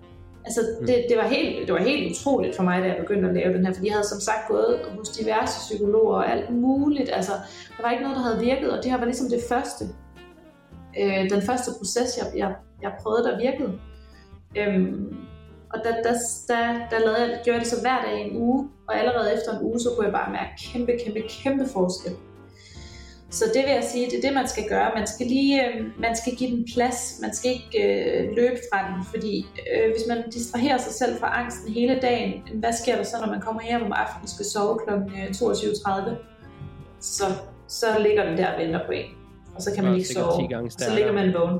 Ja. Ja. ja, helt sikkert stærkere. Så, så hvis man har mulighed for det, skal man lige tage sig de der 5-10 minutter, kvarter, hvor lang tid det nu tager, til at, øh, at tage sig af den, som et grædende barn, der har brug for trøst. Det, det Det giver er det, man skal meget gøre. Ja. Hvordan, hvordan er det så, når man... Altså, kan du på forhånd pleje det at være en tanke, der starter det for dig og dine klienter for eksempel? Eller kan det være en, bare en situation, eller at man kan sige, at alle situationer starter en tanke? Føler du, at angsten kommer øh, af automatisk følelser, eller kommer den af overtænkning? Øhm, det er et godt spørgsmål. Jeg tror, det kan være begge dele øh, for mig personligt. Men ja. den kan også tit komme... Øh, der er selvfølgelig nogle, der er nogle bestemte situationer, der, der kan gøre mig personligt, nu kan jeg bare tale for mig selv, øh, mere ængstelig end andre. Øh, jeg, jeg er altid meget utryg ved sådan en hel masse papirarbejde og øh, underskrifter. Jeg er altid bange for, at der står noget forkert, og jeg kommer til at skrive under på noget, jeg ikke skulle skrive under. Altså, jeg er altid sådan nogle paranoide tanker, Ja. har jeg altid, fordi at, at det ligesom er så vigtigt med den der ene underskrift. Altså, den, den ligesom betyder så Og den meget. binder. Den er bindende, Øhm? Altså. Og den binder, det er bare juridisk bindende, så, så jeg kan godt nogle gange, der kan min hjerne godt syge mig lidt med sådan nogle ting, så der ved jeg, at der er nogle bestemte situationer, for eksempel også at være i lufthavne, det trigger også min hjerne. Mm. Jamen, så er der nogle bestemte situationer, hvor jeg ved på forhånd, okay, det her, det kan, det kan hjernen ikke så godt lide, så der kommer jeg nok til at blive lidt trigget. Ja. Øhm, Så, så er spørgsmålet så, når man der, hvor man bliver trigget, er det så det, man skal gøre mere af? Eller, eller skal man gøre, som du gør, og skåne sig selv for det, så meget man nu kan? Jeg tænker, hvis... Altså, min, min approach er jo mange gange så at sige, okay, jeg lag, lægger mærke til, at det her sker meget i lufthavnen. Godt, men så skal jeg bare være i lufthavnen lige indtil jeg ikke har det mere. Ja. Men jeg tror, det det kommer... selvfølgelig være lidt ja, svært at jo, en lufthavn. ja, det bliver dyrt i hvert fald, hvis du skal rejse ind og ud hele tiden. øhm, men jeg, jeg tror, jeg vil sige, det kommer an på, om du gør det med overskud eller underskud. Fordi det kan være en meget helende oplevelse at tage i lufthavnen med centreret, med total overskud og med den intention om at, at komme over den her angst. Det kan være helt vildt helende. Men Ja. det kan også bare være retraumatiserende at tage i lufthavnen med 0% overskud Oh, yes. og for lidt søvn, og man har ikke fået morgenmad, altså, så, så er det bare en retraumatisering af Mm. noget, man i forvejen øh, Ja. har rigtig svært ved. Så jeg tror, det handler rigtig meget om, om, om du gør det med overskud eller underskud. Hvis Det du gør det med så overskud, mening, yes. Underskud, nej. Bliv hjemme. Man går heller ikke op og træner, mens man er syg. Altså, det er også Nej, det øh, gør man nemlig ikke. note to myself i går. Øh, jeg var Oh, lidt snottet. lidt kras i halsen, og så var sådan, ah, det skal Ja. ikke med. Men det gjorde der. så Nej, nu, nu lyder det lidt gør mere det så, ja. Ja. Det er ikke så slemt. Nå, det er godt. Jamen altså, øhm, hvad- føler du, at, øhm, at man kan kurere angst? Tror du, at man sådan helt kan kurere det, så man aldrig oplever det mere? Eller skal man øh. Se det som, at der er ikke noget at kurere, fordi det er, nu sagde du selv lidt før, det er jo dig, altså det er jo en, en selv. Så er, Ja. det, er det noget ved at kurere, eller skal man se det som angsten som en ven? Som den ven, der kommer, når det er, man har glemt sig selv? Jeg vil sige det sådan, at man vil aldrig kunne øh, øh, øh, komme til et sted, hvor man ikke føler, altså at det vil være meget bekymrende, hvis man lige pludselig er et sted, hvor man ikke kan føle angst længere, fordi angst er en meget nødvendig mm. følelse. Fordi Ja. hvis der så står en løve foran dig lige pludselig, og du er på øh, safari i øh, Afrika, så, så er det meget vigtigt, at du kan føle angst, faktisk. Bare sådan, Øhm, Nå, en kælen mis. Ej, jeg går lige over og med den. øh, Mark, den er faktisk ved at spise en fod. Nej, Ja, den slinger bare på den. Ja. Præcis. Så det er meget bekymrende, hvis man lige pludselig ikke kan mærke angst. Det skal man som menneske kunne mærke. Så på den måde vil vi altid øh, have angsten som en del af vores liv. Men man kan godt kurere sit forhold til angsten, mm. sådan som jeg selv har gjort. Det vil sige, at man kan begynde at forstå, forstå hvad det er, den, den er her for, og hvad den prøver at hjælpe med. Og så kan man ligesom omlægge sit liv lidt, så den ikke øh, får den plads, den ellers ville have. Og det, det er vores moderne samfund ikke designet til at hjælpe med, vil jeg sige. Fordi stress, det øh, er number one øhm, katalysator for angst. Altså det er ofte sådan, at folk kan have stress i mange år, og så begynder de lige så udvikler det sig til angst, fordi et system i fight or flight hele tiden, det er jo det stress er. Så det, Ja. det, det, det ligger meget tæt op af angst. Ikke? tidlig, Så, en tidlig version af angst, kan man sige. Ja. Så, så derfor skal man tage nogle valg i sit personlige liv i forhold til sit ar- det arbejde, man har, og i forhold til de vaner, man har osv., for at kunne lære at håndtere i dagens Danmark og i dagens verden, og, og leve fornuftigt side om side med det, der hedder angst. Ja. Uden, at, uden at det får lov til at tage over. Nej, men det giver mening. Det er også sjovt, du siger det der, eller øh, interessant, fordi jeg var netop, da jeg fik det der angstanfald øh, øh, på, på svampe, der var jeg enormt stresset de sidste to dage inden. Og den samme dag, hvor jeg ligesom tænkte, ja, nu er det weekend, nu skal jeg prøve det her svampeterapi igen, og det bliver så godt, og jeg glæder mig til at slappe af og bare ligge og smile og møde kærlighed igen, og øh, Mm. mm. lære mig selv bedre at kende. Og så, øh, men morgenen derinde, der skal jeg lige have nogle kunder til at betale for deres regninger inden, sådan så jeg kan få dem du ved, afsat de opgaver og sætte mine teknikere i gang og sådan nogle ting. Og så ender det med, at altså, jeg går der og venter, og, og jeg vil bare gerne have, at de der kunder snart svarer, og jeg, jeg pusher dem lidt for ligesom at sige, hey, nu er det snart weekend, og hvis jeg skal nå det her, så skal det være nu. Undskyld. Og så Mm. sker der det, at, øhm, at øh, jeg netop kan mærke den her, sådan at jeg er lidt ængstelig, men min kæreste glæder sig til at, at, at, at give mig det her, øh, hvad kan man sige, øh, svampeterapi, ikke? Så Mm. hun er også sådan, jamen lad os gøre det, og nu er der tid, og solen skinner, og ej, det bliver så godt, og alt sådan noget. Så hun- hun kommer inden jeg ligesom er, eller sådan ligesom klar, inden jeg er færdig med at arbejde. Så jeg kan mærke, at jeg bliver også presset lidt af hende. Og Mm. oven i det, så mens at det så står på, så øh, mens jeg løber rundt om mig selv, fordi så skal vi også lige have en madras, og der skal være nogle puder, og skal lige sige, hvis man laver sådan en svampeterapi, så kan man, eller man vil ingenting andet end bare ligge, helst med bind for øjnene, Mm. muligvis med propper, øh, ørepropper, eller også bare med musik. Øhm, og så skal der ikke være en vandflaske, skal være tæt på, puder og tæpper og alt sådan noget, alt skal være tæt på, og, øhm, og man, skal, altså, man kan nemt komme til at fryse, fordi man bliver så afslappet i kroppen. Og så, øhm, så alt det skulle være på plads ret hurtigt, synes jeg selv, fordi jeg på en eller anden måde synes, jeg stressede med det, fordi jeg havde sådan en bagkant, vi skulle et eller andet spise med nogen om aftenen, eller sådan noget lignende, så ja, så tænkte jeg bare, det var vigtigt, at vi lige fik styr på det inden. Og så øh, slår jeg hovedet mod en, øh, jeg har sådan en, øh, i mit sommerhus har jeg sådan en, en øh, klokke ud foran, man, man ringer på, sådan en helt old school gammel øh, klokke. Og så øh, slår jeg hovedet ind i den, og den vejer måske sådan 3-4 kilo, sådan. Så den, Okay. okay. den gjorde virkelig ondt. Og jeg måtte sætte mig ned og sunde mig og sådan noget. Men ikke mere end kvarter 20 minutter efter, så sad jeg og drak en svampete. Øh, så, så jeg kunne gå Okay. i det. Altså, så, så intentionen ja. omkring det, det kan godt være, at jeg sad og bad en bøn, og du ved, og, og sad og prøvede at finde ro Mm. og lidt meditation, og satte meditationsmusik på, men jeg var ikke rolig. Altså, det var jeg ikke. Nej. Så jeg vil også sige, Nej. at, at det hjælper heller ikke. Det er ligesom at gå ud i lufthavnen, som du siger, med underskud, og så øh, tro, Mm. at man kan slippe for angst eller fly, øh, flyangst eller noget andet. Ikke? Mm. Øh, det, Mm. det bliver bare sværere for dig selv. Og det betyder så ikke, at hvis man gør det, at man så automatisk får angst. Det betyder bare, at skulle det komme, så er man måske dårlig til at håndtere det. Men ja. det er måske også lærerigt, selvom du kan sige, at det kan, det kan også give en, en reaktivering af angsten, så den kan blive Mm. mm. øh, altså retrauma, retra, retrauma, det må du sige for mig, for det kan jeg åbenbart ikke sige. Retraumatiseret. Tak for det. Ja. Øhm, ja, helt klart. Men jeg tror også øh, især det her med øh, for eksempel svampe. Jeg har, jeg har øh, dog aldrig prøvet det, men, men, men af hvad jeg ved, så er det også meget sådan med, at ens state of being bliver forstærket. Altså, at alt, hvad der er dig lige nu, det bliver bare sådan gjort større, større, større. Så hvis du bare er i total love, øhm, så er det det, der kommer til at fylde. Og hvis du, er, Ja. hvis du har en underliggende stress, angst, frygt, så er det det, der kommer til at fylde. Øhm, men det er meget, ja, men det er også meget spændende, fordi at det plantemedicinen jo så ofte gerne vil hjælpe en, en med, når man er i angst og stress, det er at give slip. ja, det er så smukt. Ja, Så det er. Det kan jeg i hvert fald huske, at det hele tiden var sådan en shaman hele tiden sagde, du skal bare give slip. Hvis du giver Ja. slip, så går det væk. Du skal bare give slip. jeg givet slip? Nej, jeg kan ikke give slip, jeg kan ikke give slip, du ved. Det, det, ikke. det, det er netop det der egoet, der hænger fast hele tiden. Det er også det, der ødelægger vores hverdag. Det er det, altså nu siger jeg ødelægge, men selvfølgelig kan der også være nogle gode ting ved det, ellers havde vi slet ikke gjort det. Men, men det var, altså havde jeg tur at give slip på det der, ligesom han sagde der til dig, øh, og jeg, havde, jeg kan huske, jeg sagde det til mig selv, det er bare at give slip, det er bare, det er okay. Det er bare en ego-død, ikke? Altså, fordi så mange oplever både ayahuasca og LSD, og nu har jeg kun prøvet svampe, men, men det er ligesom de ting, som jeg hører, det, det er det gennemgående tema. Tør du give slip og opleve egodøden, som er, du dør ikke selv, men dit ego dør et øjeblik, og det føles lidt som om du dør. Ikke at du får smerter eller noget, men den frygt, der ligger i omkring dø, det kan, det kan være så intenst.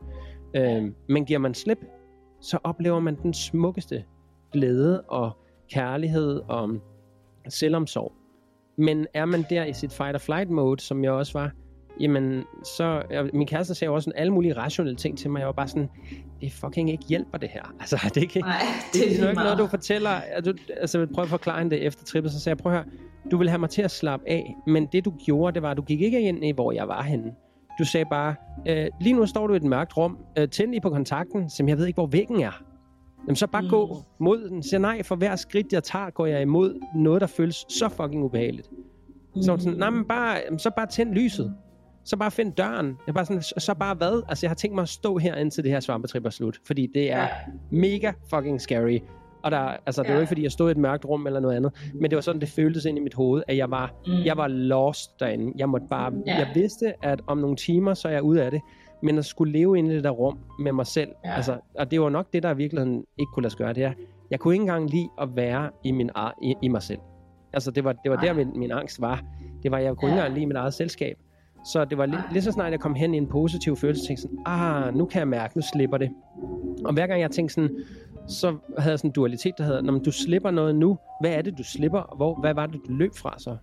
Nå, men det var, fordi jeg havde angst før. Altså, der var sådan en splitsekunds tanke. Så sådan, "Åh, gud, jeg har angst. Ej, gud, ej, det har jeg igen nu. Altså, så jeg Så kunne tilbage, aktivere det igen og igen og igen. Så hver gang jeg fik det godt, så var jeg sådan, ej, hvor dejligt, nu er det ved at være over. Bum, så røg jeg tilbage igen.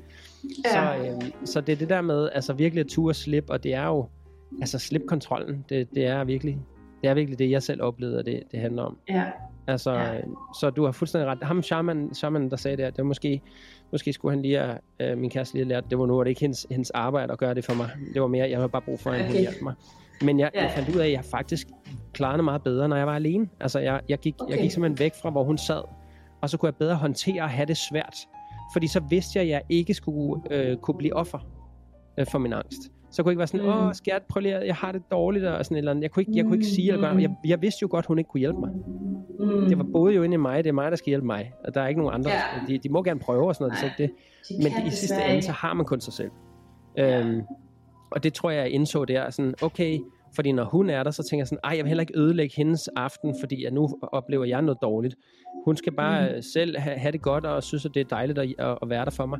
Men øhm, hun sagde jo også bare, selvom hun lå i et andet rum, så råbte hun bare, jeg kan mærke dig helt herind. Ja.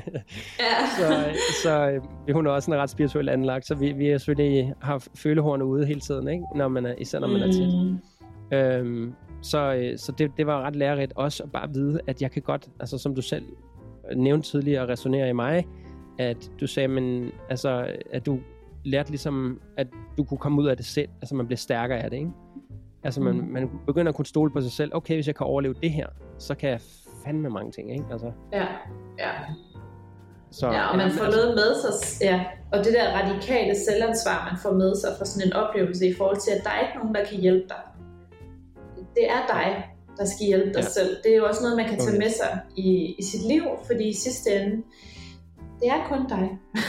Ja, det er, det er kun dig. Jeg, øh, vi vil alle sammen så gerne hjælpe hinanden, men i sidste ende, så er det dig selv, der skal gøre arbejdet. Det er dig selv, der skal øh, ja, kæmpe med dragen. Det er dig selv, der skal gå igennem Mm. egodøden. Der er ikke nogen, der kan gøre det for dig. Nå. Øhm, der er ikke Jeg har, en, jeg har en anden veninde, der har Desværre. inspireret et par podcasts for mig, som netop minder mig om, når du siger det der.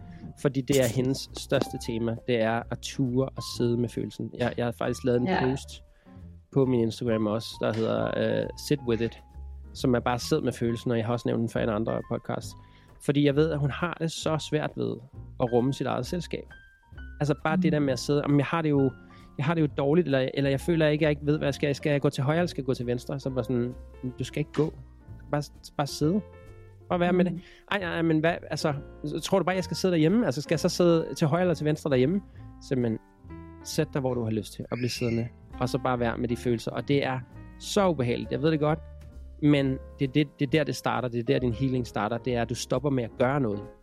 Hver gang du gør noget, det var det, var, det, var det samme, jeg gjorde i min, mit angstanfald. Det var, at jeg blev ved med at gøre ting. Jeg blev med, at- så lægger mig her. Ej, nu ruller jeg mig om på siden her. Okay, måske skal jeg have noget vand. Ej, jeg tager lige en banan. Ej, jeg skal lige... Jeg var ikke, jeg var ikke til stede i mig eller i min krop eller noget. Jeg var bare i gang med at flygte, flygte, flygte ved at lave handlinger. Ja. Og det er meget klassisk ADHD-træk, at man ikke kan sidde stille med, med tingene, og man har brug for hele tiden at, at gøre et eller andet. Og det ved jeg, hun Mm. har. Øhm, så så, så det, det er sådan et gennemgående tema, altså kan jeg mærke for folk, der, der er bange, eller folk, der er, har ekstrem ADHD, løber formentlig også for noget. Altså, Ja. øhm, fordi det er ubehageligt at sidde med en følelse i lang tid. Mm, Og det tror jeg, de fleste af os øh, faktisk gør, øh, både ADHD og mennesker, der Og ikke har ADHD. Ja. Altså, vi begraver os i arbejdet, eller ser fjernsyn, eller er i selskab med nogen, eller altså, Mm. man hele tiden har et eller andet, der ligesom kan take the edge off. Ja. Den her følelse af bare at være sammen med sig selv og sine egne følelser. Øh, Det er noget af det mest skræmmende for de fleste mennesker. Inklusive mig selv. Jeg synes også stadig, det er skræmmende. Mm. Øhm, men man kan så øve sig i at ture det og gøre det mere og mere og mere. Øh, og meditation kan også være meget behjælpeligt i forhold til det. Men, øhm, men det tror jeg da, at vi alle sammen vi løber og løber og løber. Der er slet ikke tid eller plads til at bare sidde med sig selv og kigge ind i en væg. Eller, Og jeg vil også sige, Ja. ja. at, at, at den er så enig i det, du siger. Og, og hvis man gerne, hvad man tænker sådan, ah, okay, så er jeg for angst, så mediterer jeg bare. Hvis du ikke har mediteret inden, og du ikke har lært dig selv det der med, at det er okay bare at sidde, for man skal jo ikke noget i en meditation. Men man kan, Mm. man kan, man kan give slip på en masse tanker, og, og man kan prøve at fokusere på sin vejrtrækning. Det er også derfor, at vejrtrækning er sindssygt godt, for man kan faktisk ikke være angst, og så have rigtig god vejrtrækning. Det kan ikke lade sig gøre. Så hvis man Nej, det er allerede præcis sidder jeg, for hver gang, at jeg røg frem og tilbage i det her angstanfald, hver gang jeg røg ud af det, var det, da jeg trak vejret. Hver gang jeg fik angst igen, det var fordi, jeg holdt vejret ved overtænkning. Altså så er det ikke Mhm. at tænke, åh, jeg havde angst før, åh ja, og så begynder jeg at sidde og holde vejret, mens jeg tænkte over det. Og det er jo splitsekunder, der skal til for, at, at jeg lige pludselig kan komme ind i et angsttilfælde igen. Så, så Mhm. jeg vil sige, man skal øve sig på meditationen inden. Man skal ikke vente på, at man får et angsttilfælde, og så gør det. Nej. Man skal øve sig inden, så man, det svarer til, at man i militæret skal i krig, jamen altså, så er det, nytter jo ikke noget, du for første gang, du tager geværet i hånden og skal forsvare dig eller kæmpe mod fjenden, at du først gør det, når du er ude i krig, og aldrig har haft et gevær i hånden før.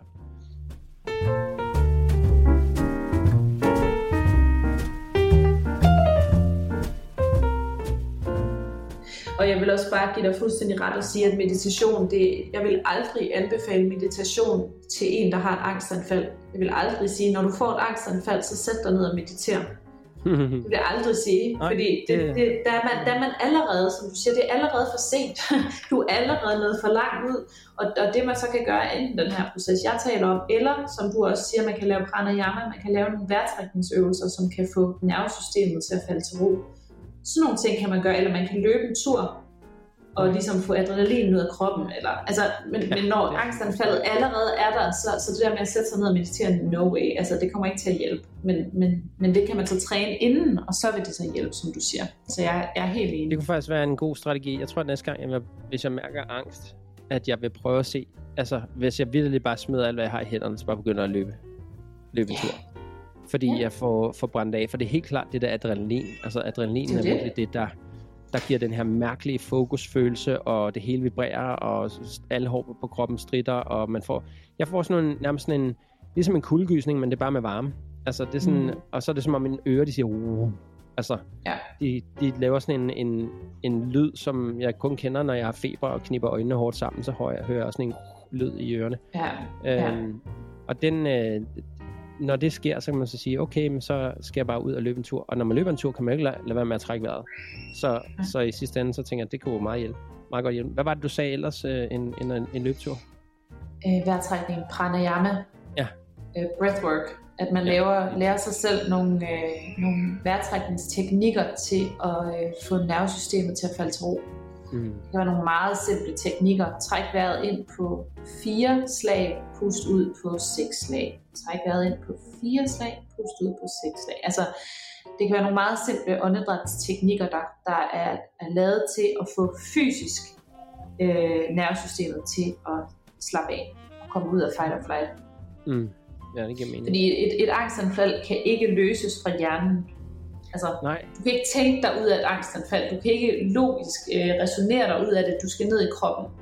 Ja, fordi især hvis der så opstår en tanke, så kan du ikke tænke, over, altså ved overtænkning, at du så har tænkt en tanke, som så gør dig angst, så kan du ikke tænke dig ud af den anden tanke. Mm-mm.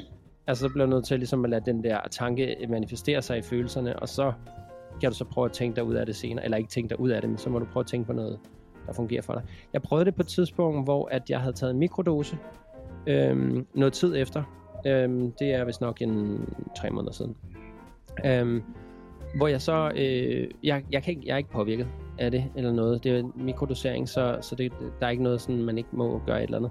Øhm, men jeg kommer kørende, og så ser jeg et politisk skilt, og hvis man følger mig på Instagram på min anden profil, der hedder Mark Barner Freedom, så skriver jeg meget sådan kritisk om det, der foregår i verden lige nu, og corona og øh, politikerne, og hvordan jeg synes, det er sindssygt, at en politiker lyve, kan lyve uden nogen øh, Mm. konsekvenser. Og øh, jeg ser så sådan et, et, et øh, valgskilt stå eller hænge eller et eller andet, og så trigger det bare en eller anden sådan en genkendelig følelse, som jeg havde sidst. Og selvfølgelig fordi jeg så er mikrodoseret, så tænker jeg, ah okay, mikrodosering plus det der, der giver mig nogle negative frustrationsfølelser, som jo er en bundet i frustration. Det er jo derfor, jeg faktisk har sådan en, men det er også for at oplyse folk, at jeg har sådan en profil, der, der gør. Nu er den shadowban, så der er næsten ikke nogen, der ser den alligevel. Men øhm, der fik jeg genaktiveret øh, et øjeblik, og der fik jeg simpelthen, jeg tænkte med det samme på, hvad skal jeg have at spise? Ah, jeg skal have shawarma. Ah ja, det glæder mig til at smage så godt med shawarma. Altså, så jeg fik faktisk afledt mm. Mm. min tanke, der var ved at starte et angstanfald. Men så fik mm. jeg Mm. faktisk tænkt på noget, der får mig til at give mig en god følelse i kroppen. Og det bliver jeg ret overrasket over. Og det kan man så sige, det er en diversion. Altså, jeg, jeg øh, kigger på noget andet. Det betyder ikke, at angsten ikke ligger under. under. Og det gjorde den også, da jeg så kom hjem. Så, så prøvede jeg at kigge lidt på den. Og så var det sådan nogle lidt... Øh, melankolske tanker, der havde sat det i gang. Fordi Mm. altså, det var blevet lidt mørkere i Danmark, og ja, at det var ikke, det var ikke lige så hyggeligt om aftenen, fordi det var bare øh, koldere og sådan nogle ting. Så, Mm. så det, det gjorde faktisk, at, øh, at jeg faktisk gav mig tiden til at sætte mig hjem bagefter. Så kan man mærke, at der er et Mm. angstanfald på vej, og at, at, man, øh, at det fylder, men at man kommer fra det, så, det, så vil jeg sige, at det er en god idé at gå hjem, og så, så sidde og Mm. mærke efter bagefter, og så se, okay, Mm. hvad var det, jeg var angst for før? Hvad var det, der triggede den tanke? Altså virkelig, øh, min, min coaches ville have sagt, sæt, sæt dig ned og meditere på det, men man kan også bare sætte sig ned og så måske skrive om det, eller skrive om følelsen, og hvor den var, ligesom så man bruger lidt den teknik, som du også øh, fortæller om før, at man skal prøve at tale med sin angst, ikke? Men det kan være svært at tale med den, hvis det ikke den lige er der. Men Mm. det, det Helt kunne jeg bare mærke. Det var overrasket over, at det kunne virke, og så var jeg også bare øh, sådan, ja, da jeg så kom hjem, og så snakkede, sagde jeg til min kæreste, jeg, jeg tror faktisk, jeg var ved at få et angstanfald før, og så kunne jeg mærke, bare mærke, det har jeg slet ikke lyst til at snakke om. Puha, for så kommer det bare igen. Og så sådan, wow, der skal ikke mere til lige nu. Så, Mm. øhm, så på mange måder, så kan man sige, ja, der er en invitation til at virkelig arbejde med det der. Det var også derfor, jeg synes, det var spændende at snakke med dig om det, fordi du, du på en eller anden måde har, har ydet dig mere i det, end jeg har. Jamen, du siger også noget meget vigtigt, øh, som jeg lige vil øh, vende tilbage til der, øh, i forhold til at, øh, at, at lede tankerne et andet sted hen, inden at angsten rigtig har taget fat. Fordi en del af det her med at lære at øh, leve med angsten, uden at den skal ødelægge ens liv, det er jo også at lære sin hjerne at tænke anderledes, så godt man nu kan. Fordi hjernen, den kører bare på repeat. Altså, når den har lært nogle... Altså, det er der en anden... øh, Det er der... Øh, øh, også rent i forhold til synapserne osv. Der, der, det er ikke mig, der er specialist inden for det, men jeg ved, at der er nogle baner, og når hjernen kører af de baner, så kører den igen og igen og igen og igen og igen i det samme Mm. loop. Ja. Så man kan godt øve sig i at skabe nogle nye veje for tankerne, i forhold til hvilket flow, der kører op i hjernen. Og der kan man Mm. for eksempel gøre sådan noget, som du siger der med at redirect the thoughts Ja. til something positive, eller hvad, hvad det nu end kan være. Fordi at, at hvis man konstant går rundt med en meget, meget mørk cyklus af tanker i hovedet, så, så er man hele tiden på overarbejde i forhold til at skulle øh, håndtere det ene angstanfald efter det andet, efter det tredje. 100 procent. Altså, det giver også øh, god mening. Altså, og det er nok også derfor, det har virket for mig, netop at gøre det. Øhm, og jeg tror sådan, at det er faktisk sådan, jeg altid har håndteret angst i mit liv. Jeg har bare tænkt på noget Mm. andet, men det får nu ikke nødvendigvis angsten til at gå væk, men det gør, at jeg kan håndtere mit angstanfald. Og øhm, ja, så på den måde, det er også derfor, jeg sådan, så prøver jeg at sætte intentionen til så at arbejde med angsten bagefter, når jeg så er, som du selv sagde, når man har et overskud. Øh, så jeg ikke sidder og prøver at arbejde med den, når jeg er allermest, har det allermest svært over det. Men på den anden side, så har jeg også bare ligesom lyst til, som jeg sagde før, at min strategi mange gange er, så, så hopper jeg bare ud i det. Så okay, så kom med det der angstanfald, så lad mig se, hvad det virkelig er. Mm. Lad mig mærke det, lad mig lære det at kende, lad mig, lad mig gøre det til en, en god ven, jeg har mødt før. Sådan så, at øh, jeg kan vinke farvel til ham og sige, men det var hyggeligt, nu, nu ved jeg alt om dig, så når du dukker forbi igen, så er jeg bare sådan, nej, ellers tak du. Altså, øhm, Mm. så, så det kan jeg også godt være sindssygt nysgerrig på. Men på den anden side, så ja, diversion er også virkelig en lettelse. Så jeg var sådan, wow, okay, der fik jeg lige lidt angst der. Men, men jeg kan virkelig genkende Ja. det. Så, så det er helt klart noget, der har boet i mig i lang tid. Men jeg har, ikke, jeg har ikke bare ikke fået lov til at mærke det så intenst før, som jeg gjorde der. Mm-hmm. Okay. Men hvad synes Men du så om, om folk, der tager, tager piller mod angst? Jeg tror du, det er en, en løsning? Altså, Øhm, jeg, jeg er fik ikke selv tilbuddet. Nej. Øhm, jeg, jeg fik selv tilbuddet øh, og sagde nej, dengang jeg havde angst. Jeg er heller ikke for det, fordi at... Øh, nej, lad mig sige det sådan her. Jeg er kun for det i yderste tilfælde.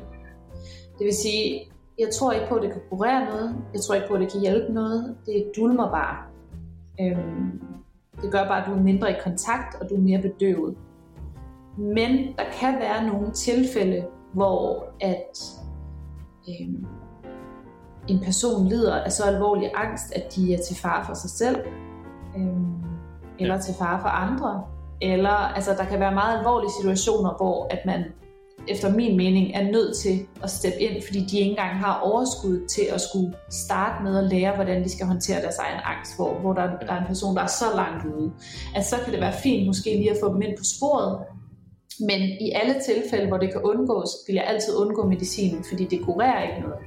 Det dulmer bare.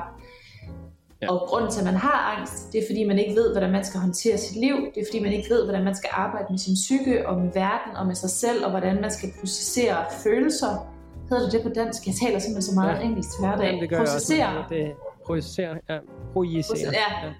Øhm, følelser i, i kroppen, og hvordan man skal altså, ja, være menneske. Altså, og, det, og det er det, man bliver nødt til at lære for at kunne håndtere stressen og for at komme af med stressen.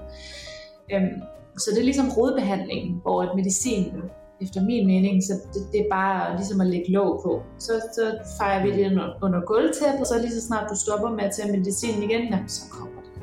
Så kommer ja. det igen. Nemlig. Det er min mening.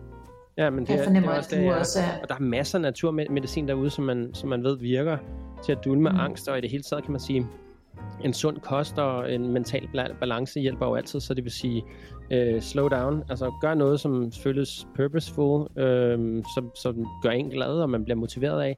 Bare det at rende rundt og synge lidt i hverdagen, eller danse, eller sådan nogle ting. Jeg lagde mærke til i dag, hvor jeg var, sådan, jeg var sindssygt træt og har lidt øh, ondt i ryggen efter træning i går. Og så øh, lagde jeg bare mærke til, hvis jeg gik, altså jeg, jeg havde, fik lige en sang på hjernen, og så sang jeg lige lidt, så tænkte jeg, gud, det ændrede lige mit humør. Altså, mm. så, øh, så sådan nogle, sådan nogle rutiner kan nogle gange være med til at, at gøre det, øh, og til at hjælpe. Og naturmedicinen, der har jeg på det seneste eksperimenteret meget lidt med øh, den, der hedder Amanita Amascara, som er øh, flu, den røde fluesvamp, som alle er bange for, og tænker, åh, oh, den må man endelig ikke røre, den er bare så giftig, og så dør man. Nej, det gør man ikke. Øh, man skal bare tilberede okay. den rigtigt. Øh, hvis man tørrer den på, jeg tror det er nogle 70 grader, 75 grader i en tørremaskine, og, øh, og man så bagefter koger den i en cirka 20 minutter til sådan noget simrekog, til at de svampene ikke længere er røde på. Så kan man i den rigtige dosis faktisk drikke øh, en halv teske til et par teske øhm, og så få doseret øhm, sådan så, at den dulmer angst. For den gør det samme som alkohol gør, det er de samme receptorer, den virker på. Det hedder faktisk moskamode, og det er også det, man bruger til at behandle angst med øh, på piller, altså Muscamol, okay. som er øh, i høje doser, der tripper du helt vildt på det. Altså man kommer ned i sådan en øh, træt øh, trip, hvor man virkelig får oplevet sådan øh, universet. Men, øh, men det er også den, som siges, øh, rygtes til, at det, vikingerne har taget øh, når de gik berserk, fordi at øh, du har ikke du er ikke frygtsom mere øh, på samme måde. Så det vil sige, hvis du gerne vil smadre fjenden, så har de bare løbet ud efter sådan en ja. ordentlig svampesovs, øh, så, øh, ja. eller te, så, så er de bare gået berserk, ikke? Øhm, ja. Men, øh, men det eneste, jeg oplevede med den, øh, af min erfaring, det var, at jeg fik nogle enormt underlige drømme. Altså, jeg kunne slet ikke mærke, øh, jeg havde heller ikke noget angst, men jeg kunne ikke, jeg kunne ikke mærke den som sådan, eller jeg kunne heller ikke trippe på den, eller noget. Jeg tror heller ikke særlig meget. Jeg går altid meget stille frem, når jeg laver min egen forskning. Øhm, men øh, hvad hedder det? Altså, jeg kunne bare mærke, at de der drømme var virkelig sære. Altså, og de var ikke sådan behagelige. Øh, det var ikke sådan, at de var ubehagelige heller. Men det var ikke sådan, at jeg vågnede op og tænkte, det var bare en rigtig rar drøm. Det var sådan virkelig mm. en øh, følelse af, når man har feber, så så kan man drømme alt muligt underligt, som både kan have aggression og vrede og glæde og øh, latter, og den ene gode latter kan blive til en akavet, ond, ondskabsfuld latter, og sådan. Altså, det var meget sådan bizart, øh, de drømmer. Mm. De, og det var, hvad det, tre gange, jeg har prøvet det nu med den, og eksperimenteret med, om, om den kan virke på angst, og hvordan sådan nogle ting øh, agerer. Øh, eller hvordan min krop agerer på det. Så, øh, så, så det var ikke sådan, at jeg blev bange for det eller noget. Jeg var bare sådan lidt, okay, øh, det, det, det er så det, de kan. Hvis man tager meget små doser, så får man nogle, lidt, man sover rigtig godt, men man får, har, når man mm. vågner, så man holdt det op, hvad var det lige, jeg drømte der? øhm, ja, men øh, ellers så, øh, så vil jeg sige, at, øh, at der er rigtig meget andet naturmedicin, man ved, hvis man spiser det, så sover man bedre, så hjælper det på serotoninreceptorerne, og øh, det gør jo også, at, man, at hvis man er frisk og veludviklet, så er der mindre risiko for at få angst, og sørger man for at balancere sit arbejde godt, så er der også mindre risiko for at få angst. Øh, bliver man god til at meditere eller lave vejrtrækningsøvelser, som jeg virkelig er helt enig med dig i. Altså breathwork er virkelig en gave. Øh, det med at trække vejret er så e- essentielt vigtigt for os. Så det, det er i hvert fald de ting, der har hjulpet mig meget og sådan nogle ja. ting. Øh, og, og det er dejligt at høre, at du også har, øh, har nogle af de samme erfaringer. Har du egentlig en uddannelse af noget af det her, eller øh, er det mest erfaring, du baserer det på, som jeg jo mange gange synes er mere værd? Ja, det synes jeg også helt klart, at erfaring er. Men jeg har en uddannelse. Jeg er uddannet mindfulness-instruktør. Ja. Øhm, og så er jeg også certificeret breathwork uh, teacher. Okay, fedt. Det overvejer jeg selv også Men, at, at tage den uddannelse. Ja, Spændende. Altså, det, det, var, det var lærerigt, men jeg vil sige, at begge uddannelser er nogle, jeg har taget efter, jeg allerede havde lært mange af de ting, øh, Mm. de underviste i, underviste i på uddannelserne. Og øh, hvis folk spørger, så, så fortæller jeg gerne, hvilke uddannelser jeg har, men, men det er sjældent, at jeg sådan sælger den på det, fordi sandheden er, at, at min ekspertise kommer fra mine, mine egne eksperimenter. Ja. ja. kommer fra mit, mit, mit levede liv, og ja. de tusindvis af retreats og alt mulige workshops, jeg har været til, og øh, det liv, jeg har levet i mange år nu, det er der, øh, visdommen kommer fra. For ikke at sige, der hvor den højeste visdom kommer fra, det er jo slet ikke fra mig, det er jo fra Source, der på en eller anden måde, øh, jeg på en eller anden måde har lært, hvordan jeg kan lade strømme igennem mig, og dermed kan jeg hjælpe andre mennesker. Mm. Øhm, så, øh, så det er jo rigtig fint. Jeg lærte nogle meget fine ting på uddannelsen, som var meget der med, hvordan man, hvordan man øh, håndterer klienter. Altså hvordan man får, pædagogisk set får nogen til at forstå noget, som man selv forstår rigtig godt. Ja. Øh, men så tage Ja. ta, ta den fra bunden. Altså, jeg har, det er ikke, fordi jeg ikke lærte noget på de uddannelser, det gjorde jeg helt klart, men, men jeg tog uddannelserne, da jeg allerede havde været i gang i lang tid selv. Tænkte, ah, nu har jeg alligevel en business og sådan noget. Det kan godt være, at jeg lige skulle, skulle få noget på papiret her. Ja. Ja, det er jo Ja. det, der, det er problemet med vores verden nu, det er sådan noget, hvis man ikke har papir på det, så, må, så er der mange mennesker, der Ja. mener, man ikke skal, eller nogle mennesker, der mener, man ikke skal udtale sig om det, eller have en mening om det. Og det er Ja. så skørt, fordi alt er baseret på erfaring jo i sidste ende. Altså, det, det er ingen grund til, at vi ved det, vi ved i dag, er fordi der er nogen, der har erfaret et eller andet. Ja, præcis. Øhm, men jeg, jeg tror også, jeg vil faktisk sige, min egen, øh, min egen oplevelse med mine klienter er, at jeg har faktisk aldrig nogensinde oplevet, at der er en klient, der har spurgt mig, hvad min uddannelse var. Øh, jeg har altid sådan et clarity call med folk først, øhm, inden vi begynder at arbejde sammen, hvor man lige møder hinanden og, og taler sammen. Og jeg har faktisk aldrig oplevet, at der er nogen, der har spurgt mig, øh, hvad min uddannelse er. Hvilket egentlig er lidt interessant. Det er da perfekt. Altså, Ja, så At- det, at- det er åbenbart ikke noget, men... Ja. Men det er også, det, det kan godt være, det er, fordi det er gennem, altså gennem Instagram får jeg rigtig mange af mine klienter. Og Nå, der kender de mig jo så nok lidt i forvejen. Det kan godt være, det er derfor, der stoler de allerede på mig, fordi de har fulgt mig i lang tid, og de har hørt, hvad jeg siger i, i, i- gennem lang tid og så videre. Så, så det kan godt være, der er en anden trust, øhm, der allerede er bygget op. Ja. At det er derfor. Det skal jeg ikke kunne sige. nej, men det er da fantastisk. Altså, der, det kunne ikke være bedre, at der er nogen, der lige rækker ud på den måde. Jeg får også nogle af mine klienter den vej. Øhm, men jeg taler også om lidt mere brede emner. Det er jo også derfor, at den her podcast har et lidt bredt emne, fordi det er jo, jeg er jo passioneret om så mange ting. Men Ja. coaching-delen af det, er det, jeg sådan, i virkeligheden, altså at lære, lære fra mig på den måde med øh, kvæg mine egne erfaringer, synes jeg er Ja. guld værd, og det er det, der sådan føler, at der giver mig purpose.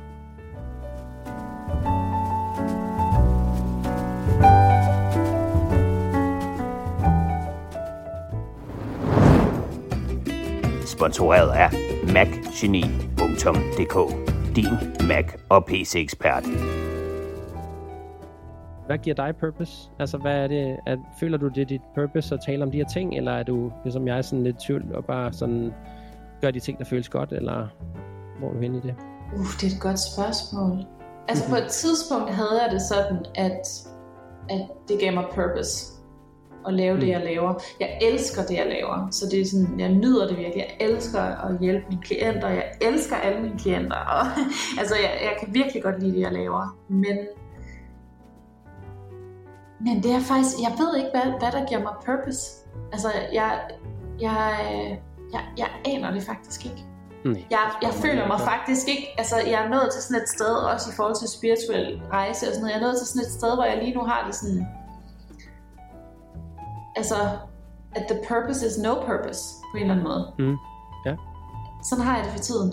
At, at der var en gang, hvor jeg følte, ja, jeg har en mission her på jorden, og jeg skal gøre dit og datten, og mit purpose og sådan og sådan. Nu har jeg det bare, jeg er her bare, jeg er her bare. Og så på et tidspunkt er jeg her ikke længere, og jeg kan gøre det bedste, jeg kan. Øh, og så kommer jeg sikkert herned igen. Øhm, men jeg er her bare. Ja. Så jeg tror, okay, se, jeg sidder og tænker højt her. Hvis jeg skulle sige en form for purpose nu, nej. jeg trækker det tilbage. The purpose is no purpose. Man må godt Ja, det må noget, man og så sige, gerne. det kan være, det ændrer sig i morgen. Altså, ja, øh, nej, men jeg, jeg tror faktisk, at jeg, lige nu er jeg mere bare i sådan en... Ja, Er der noget jeg andet, du sådan, øh, er fucking in, øh, passioneret omkring? Eller øh, som, som også er noget, du får meget glæde ud af? Mm, ja, jeg elsker at synge, jeg elsker at danse, Mm. jeg elsker at grine og lege. Ja. Øh, jeg kan godt lide mange af de her ting, jeg laver med mine klienter. Det er også ting, jeg laver med mig selv. Sådan noget med at få fat i, i sit indre barn og, Ja. ja. og øh, lege med sit indre barn og ligesom få noget af den der glæde tilbage i, livet og i hverdagen. Øhm, jeg er passioneret omkring min familie. Ja. Og prioritere min familie. Ja. Og, Er det ikke øhm, svært, når du, når du rejser, sådan som du gør? jo, jo, det er det. Det er det i forhold til, hvad skal man sige, øh, at se hinanden fysisk. Fordi jeg har været hjemme, jeg har været hjemme én gang de sidste ni måneder, hvor jeg så var hjemme i, i tre uger. Men jeg har fået et helt andet, andet forhold til at prioritere min familie og til at tale med dem ofte og, og huske på, når der er vigtige dage for dem og virkelig lære dem at kende. Og, altså sådan, jeg, jeg ser anderledes på det med min familie, end jeg gjorde øh, tidligere. Hvor det bare sådan, om de er der bare, og så snakker vi nogle gange. Nu er det sådan, ja, det betyder virkelig noget for mig at opbygge vores relationer. Og min far var også her, er han kom her til Indien, og ja, det var... Nå. Nej, hvor fedt. Ja. Altså, han kom, han kom ned og besøgte dig? ja, han kom til Indien med hans kone, ja. Nej, hvor fedt. Det var også rigtig fedt, ja. Har du en baggrund, som gør, at, at du, øh, altså, du før i tiden ikke, altså har du vokset op på nogle hårde måder, og det kunne man måske have haft med i starten af podcasten, men bare for at få lidt indsigt, altså har du, har du selv følt, at du er gået igennem nogle hårde ting i din barndom? Vi behøver ikke nødvendigvis snakke om det, hvis. Mm, Men er der noget, der Nej, har altså- som sådan en... mine forældre gik fra hinanden, da jeg var 5-6 år. Deromkring. Ja. Jeg husker ikke meget. Det, det meste er blokeret ude. Ja. Øhm, men, øhm, men jeg har i hvert fald altid været meget sådan... Øh, og det tror jeg også kommer i teenageårene og sådan noget, hvor man er meget udadsøgende. Altså, og du ved, jeg har ville væk og rejse og bo i London og ditten og datten. Jeg har været meget sådan væk, væk, væk, væk, væk, væk, væk. Ja. Jeg skal bare ud. Øhm, og man kan sige, at jeg er stadig ude. fordi Det kunne være, at du flygtede fra noget, det var derfor, jeg Ja, spurgte. ja, ja, lige præcis. Øhm, men altså, jeg elsker min familie højt, og alle de ting, der har været at arbejde med, dem, dem har jeg mange... Jeg begyndte at arbejde med mig selv allerede i start 20'erne, så jeg har i mange år øh, arbejdet med, med de ting, der har været. Og, øh, og jeg synes faktisk nu, jeg har et virkelig godt forhold til, til hele min familie, hvilket jeg er så glad for, og sætter virkelig stort pris på. Okay, dejligt at høre. Mm. Men er, er der noget med, du gør sådan, øh, det kan måske slutte med det spørgsmål øh, bagefter, men så, så vil jeg sige, hvad er du så opdaget det spirituelle, bare lige for at høre lidt mere om det, fordi det lød som om, at du opdagede lidt det spirituelle, inden du tog afsted til Costa Rica, og så var det ligesom, øh, at, at, at du følte, altså du mødte det endnu mere i Costa Rica, fordi du ligesom trådte ind i det og undersøgte det også med ayahuasca og sådan noget. Var det, var det der, din Ja. opvågning lå, eller er det noget, du har kunnet mærke altid lå der, eller hvordan har du Nej, det, det, det startede øh, cirka et halvt års tid, inden jeg besluttede mig for at rejse øh, Ah, til Costa Rica, at, at, at jeg begyndte stille og roligt at, øh, at åbne døren for spiritualitet og begyndte at se mere, flere og flere YouTube-videoer og prøvede at meditere. Og, altså sådan, jeg begyndte at købe et sæt tarotkort. Og, altså sådan, Mhm, jeg ja. begyndte sådan at, at dyppe tåen. Øhm, og øh, så jeg vil sige, det var ligesom det var snigende på vej. Men, men der er bare stor forskel på at læse om spiritualitet, og så være i det, som man for eksempel er øh, på et trip. Altså sådan, det er bare to helt forskellige ting. Det er ligesom at læse menukortet og, og spise øh, retten. Ja, lige præcis. Enig. Det, det, det, det er to helt forskellige ting. Så jeg tror bare, øh, min, min, min reelle opvågning var først, da jeg oplevede det selv i Costa Rica, men jeg var allerede på vej derhen af, og havde ligesom groomet, groomet mig selv til at være klar til den oplevelse, eller man skal sige. Ej, hvor fedt. Jamen altså, øh, men jeg synes også, det er en god... Jeg har øh, en, øh, en kammerats øh, kæreste, der har skrevet til mig sådan, hvordan starter man op på det der med at være spirituel? Altså fordi, at hun kan mærke, at der er et kald, og hun kan mærke, at hun har nogle evner og sådan nogle ting. Så jeg står lige og tænker på hende nu her, øh, mens vi snakker om det, fordi det er jo sådan noget med og prøve at finde ud af, vil man tage en uddannelse i det, se nogle YouTube-videoer, undersøge tingene, prøve at finde sig selv i det. Jeg ser også, øh, jeg, talte, jeg havde en podcast-afsnit, der hedder øh, Det spirituelle versus det øh, kristne, øhm, og, og der taler jeg også meget ind i det der med, altså jeg synes jo, altså jeg, har, jeg synes kristendom har det lidt mere at øh, udskamme øh, det spirituelle, fordi at, øh, at mange folk, der er i det spirituelle, de har gået og søgt og søgt og søgt. De har prøvet yoga, så har de prøvet tarotkort, så har de set nogle YouTube, så har de prøvet kursus, så har de, så har de prøvet et eller andet, øh, ligesom ayahuasca eller noget andet, og så er de bare sådan, jamen jeg, jeg føler bare, bare mere forvirret. Altså jeg ved, at jeg, jeg prøver at gøre alting rigtigt. Jamen, det er helt det, det handler om. Du skal ikke prøve at gøre noget rigtigt. Du skal bare prøve at finde ud af, hvad du har lyst til. Og så skal du gå med det. Og hvis det så er at blive kristen, så, så gør det. Men, men øh, men for mig er det bare meget med det der med, at du skal ikke, der er ikke en opgave, du behøver ikke eje et trommesæt øh, med fjer på, eller en, øh, hvad ved jeg, en rapé-pibe til at puste, øh, hvad hedder det, tobakpulver op i næsen, eller øh, du behøver ikke alle de der ting. Du kan have nul ting, du kan bare have det tøj på kroppen, du har, og være mega spirituel. Ja, og, og der er en tendens til, at, at vi søger ud og til at gøre en masse ting for at leve op til et eller andet spirituelt. Ja. Så, ja. Øhm, så ja, det, det er jo ligesom meget for os lige at nævne, at øh, man kan høre nogle andre afsnit, der kommer også til at tale om det noget mere øh, i fremtiden.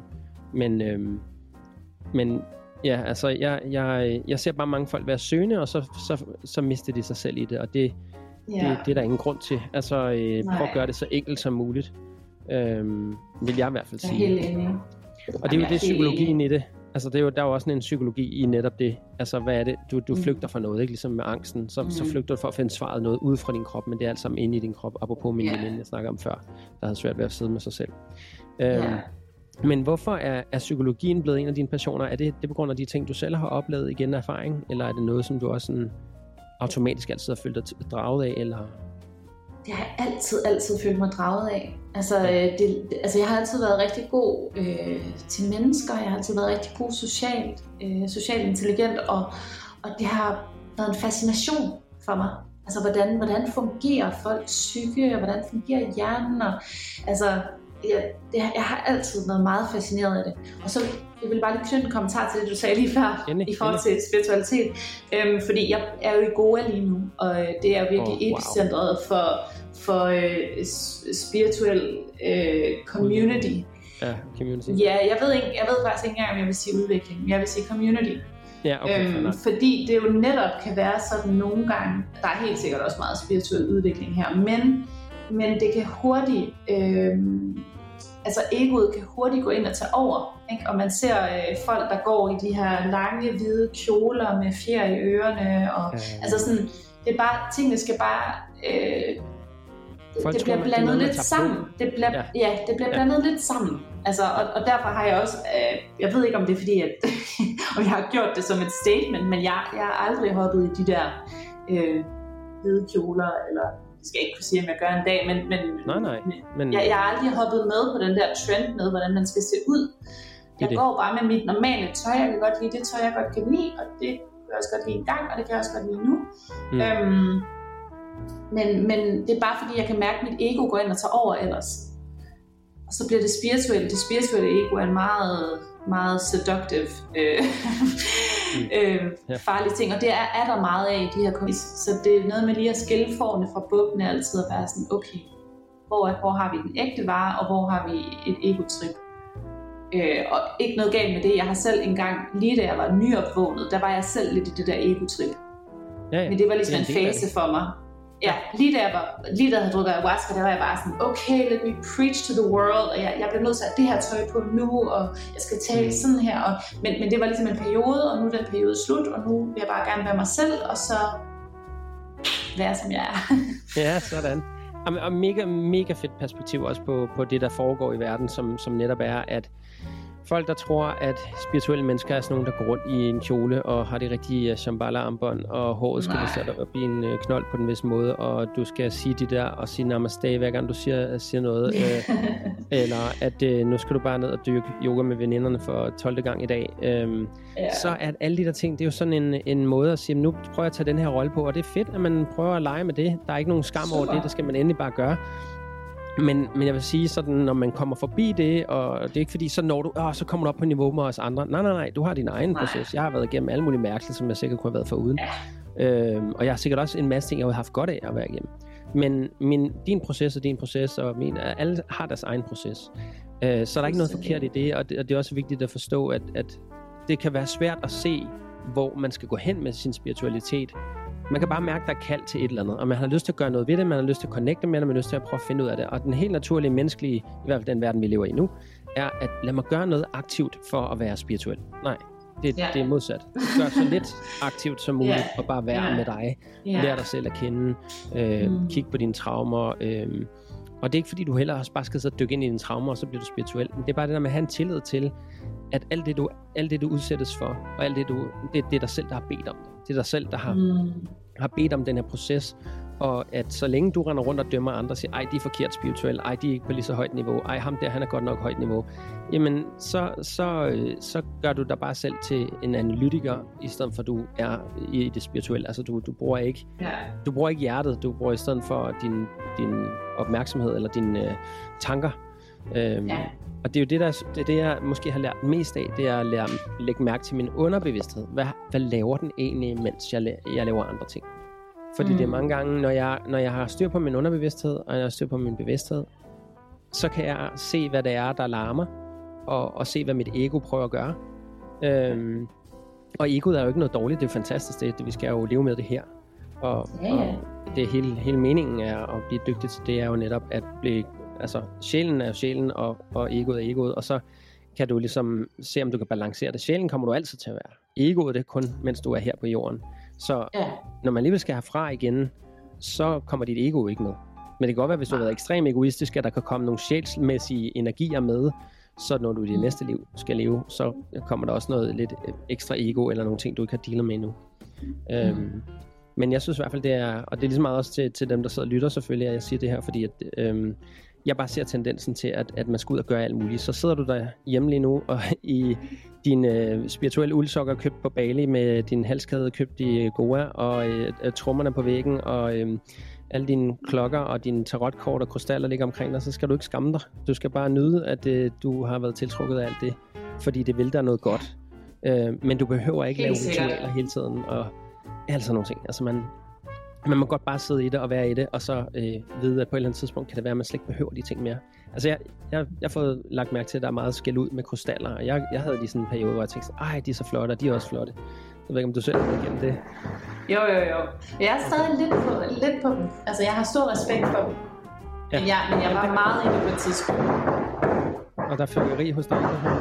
Ej, kan du høre det? Ja, der Ja. ja. det er helt utroligt. Jeg kan ikke se det her, Det- hvor jeg det- sidder det skal med. også. Vi skal da også fejre, at, øh, Det skal vi da. vi skal da også fejre, fejre at øh, vi er faktisk er ved at øh, har lavet en, en, hvad jeg synes, en skide god podcast om, om, hvor du kommer fra, og så måske forhåbentlig folk har lært lidt om angst.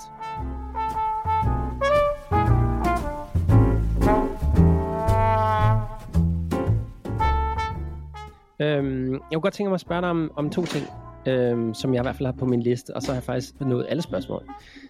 Har du en morgen- eller dagsrutine, som hjælper dig? Altså det behøver ikke nødvendigvis hjælpe andre, men er der noget, du føler hjælper dig? Både med angst eller ikke angst, eller bare på anden måde? Noget, som du synes er, giver dig noget?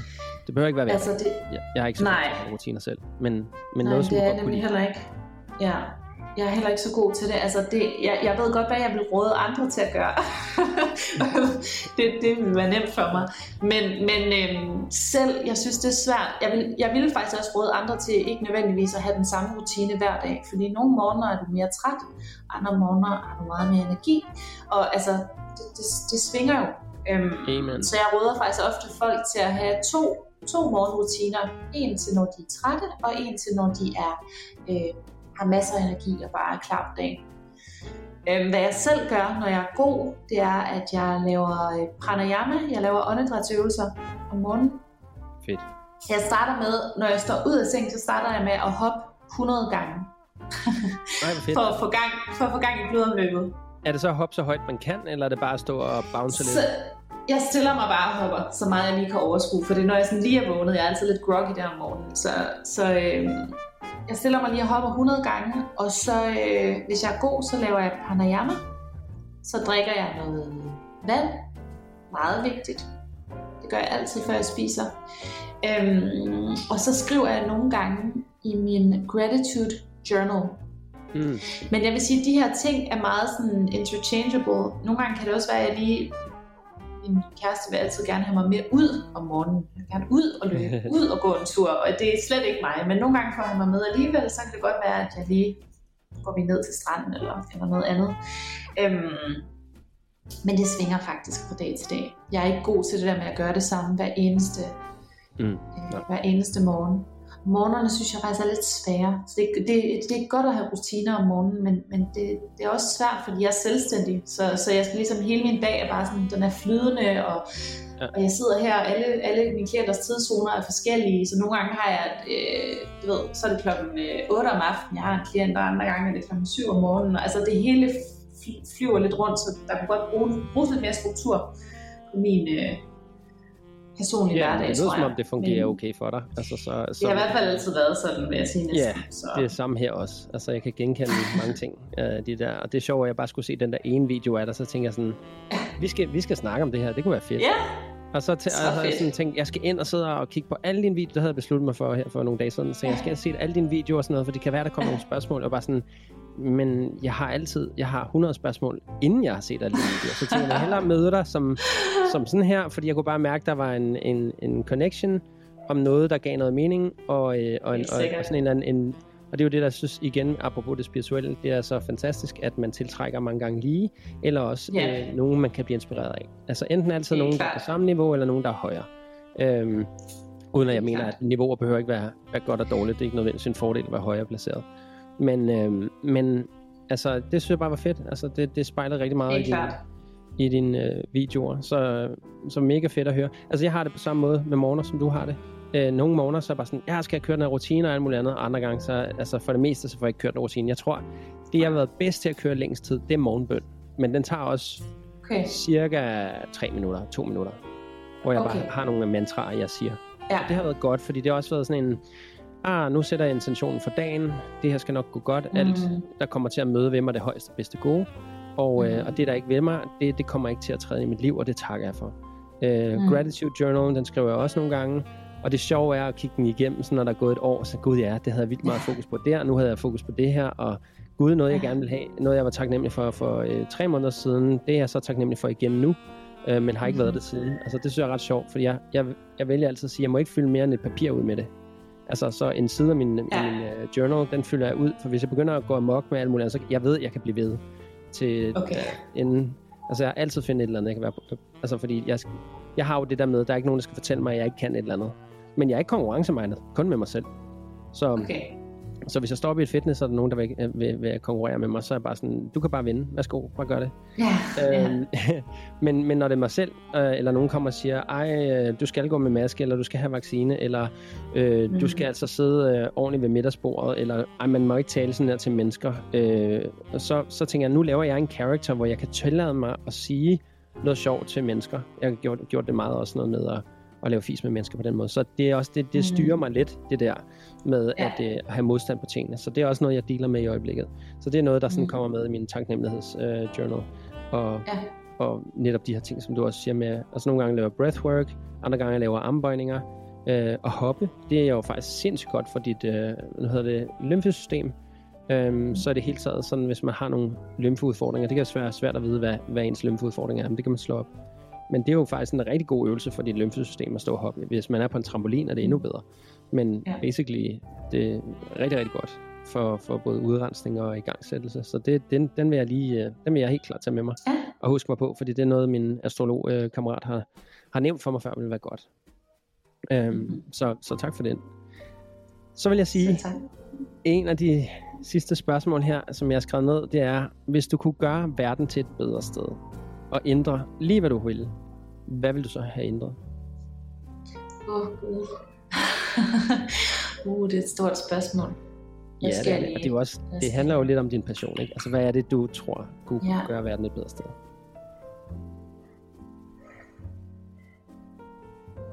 Jamen, der falder vi lidt ned i, i, i den der med, at min passion, den er ikke eksisterende. det tror jeg ikke. Og det jeg skal mærke ikke, din passion. nej, det, godt det er være, ikke fordi, det er jo ikke på en deprimerende måde, men det er mere bare sådan, jeg prøver at øve mig i okay, okay, så kan jeg sige det her. Jeg prøver at øve mig i bare, at bare være til stede. Det er det, jeg prøver at øve mig i. Men, ja. men så kan jeg jo så sige det her, øhm, at alle mennesker på en eller anden måde bare kunne øve sig i at være til stede i nuet, og være så bevidste øh, Mm. og tilgivende over for dem selv og andre som overhovedet muligt. Hmm, smukt. Måske især det der med ens selv, fordi hvis man accepterer sig selv, og jeg arbejder også med selvkærlighed, ikke? Altså hvis man accepterer sig selv, og hvis man tilgiver sig selv, og hvis man kan være bevidst med sig selv, og tør at være alene med sig selv, og se sig selv, så kommer alt det andet helt af sig selv. Der fik jeg godt nok sagt sig selv mange gange. Ja, men, Men, det, men det gav mening i sætningen. øhm, men ja, så kommer resten. Så kommer resten af sig selv. Så det, Ja. ja. det må være mit svar. Nej, hvor fedt. Ja. Ej, tak for det. Og tak fordi du øh, i det hele taget gider at lege med mig her på podcasten. Er, er der noget, som du øh, føler, du har manglet at sige? Fordi jeg er jo også god til at afbryde nogle gange, så det kunne være, der var noget, du, øh, du vil tilføje. Eller om du synes... Jeg vil bare sige... Øh, nej, jeg synes ikke, du har afbrudt mig.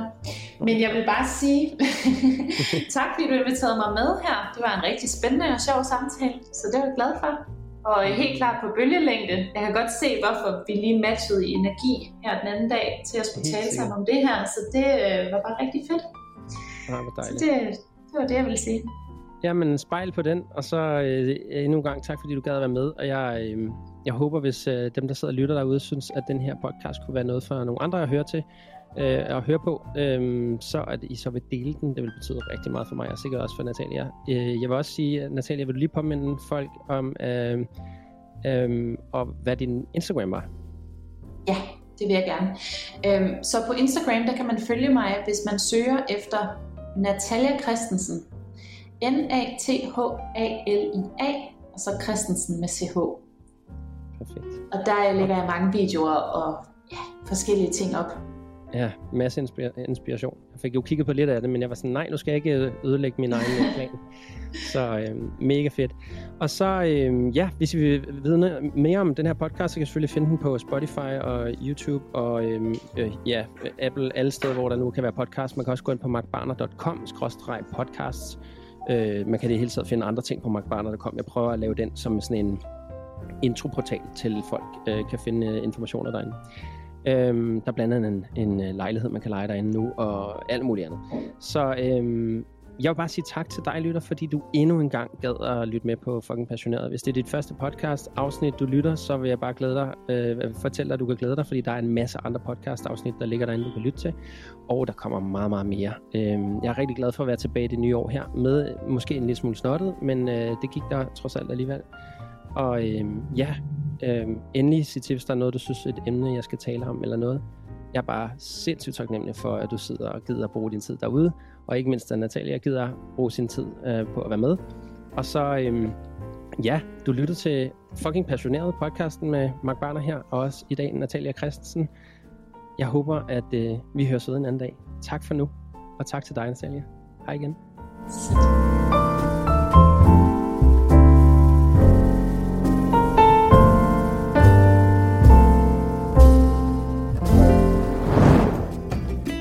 Sponsoreret af macgeni.dk Din Mac og PC-ekspert.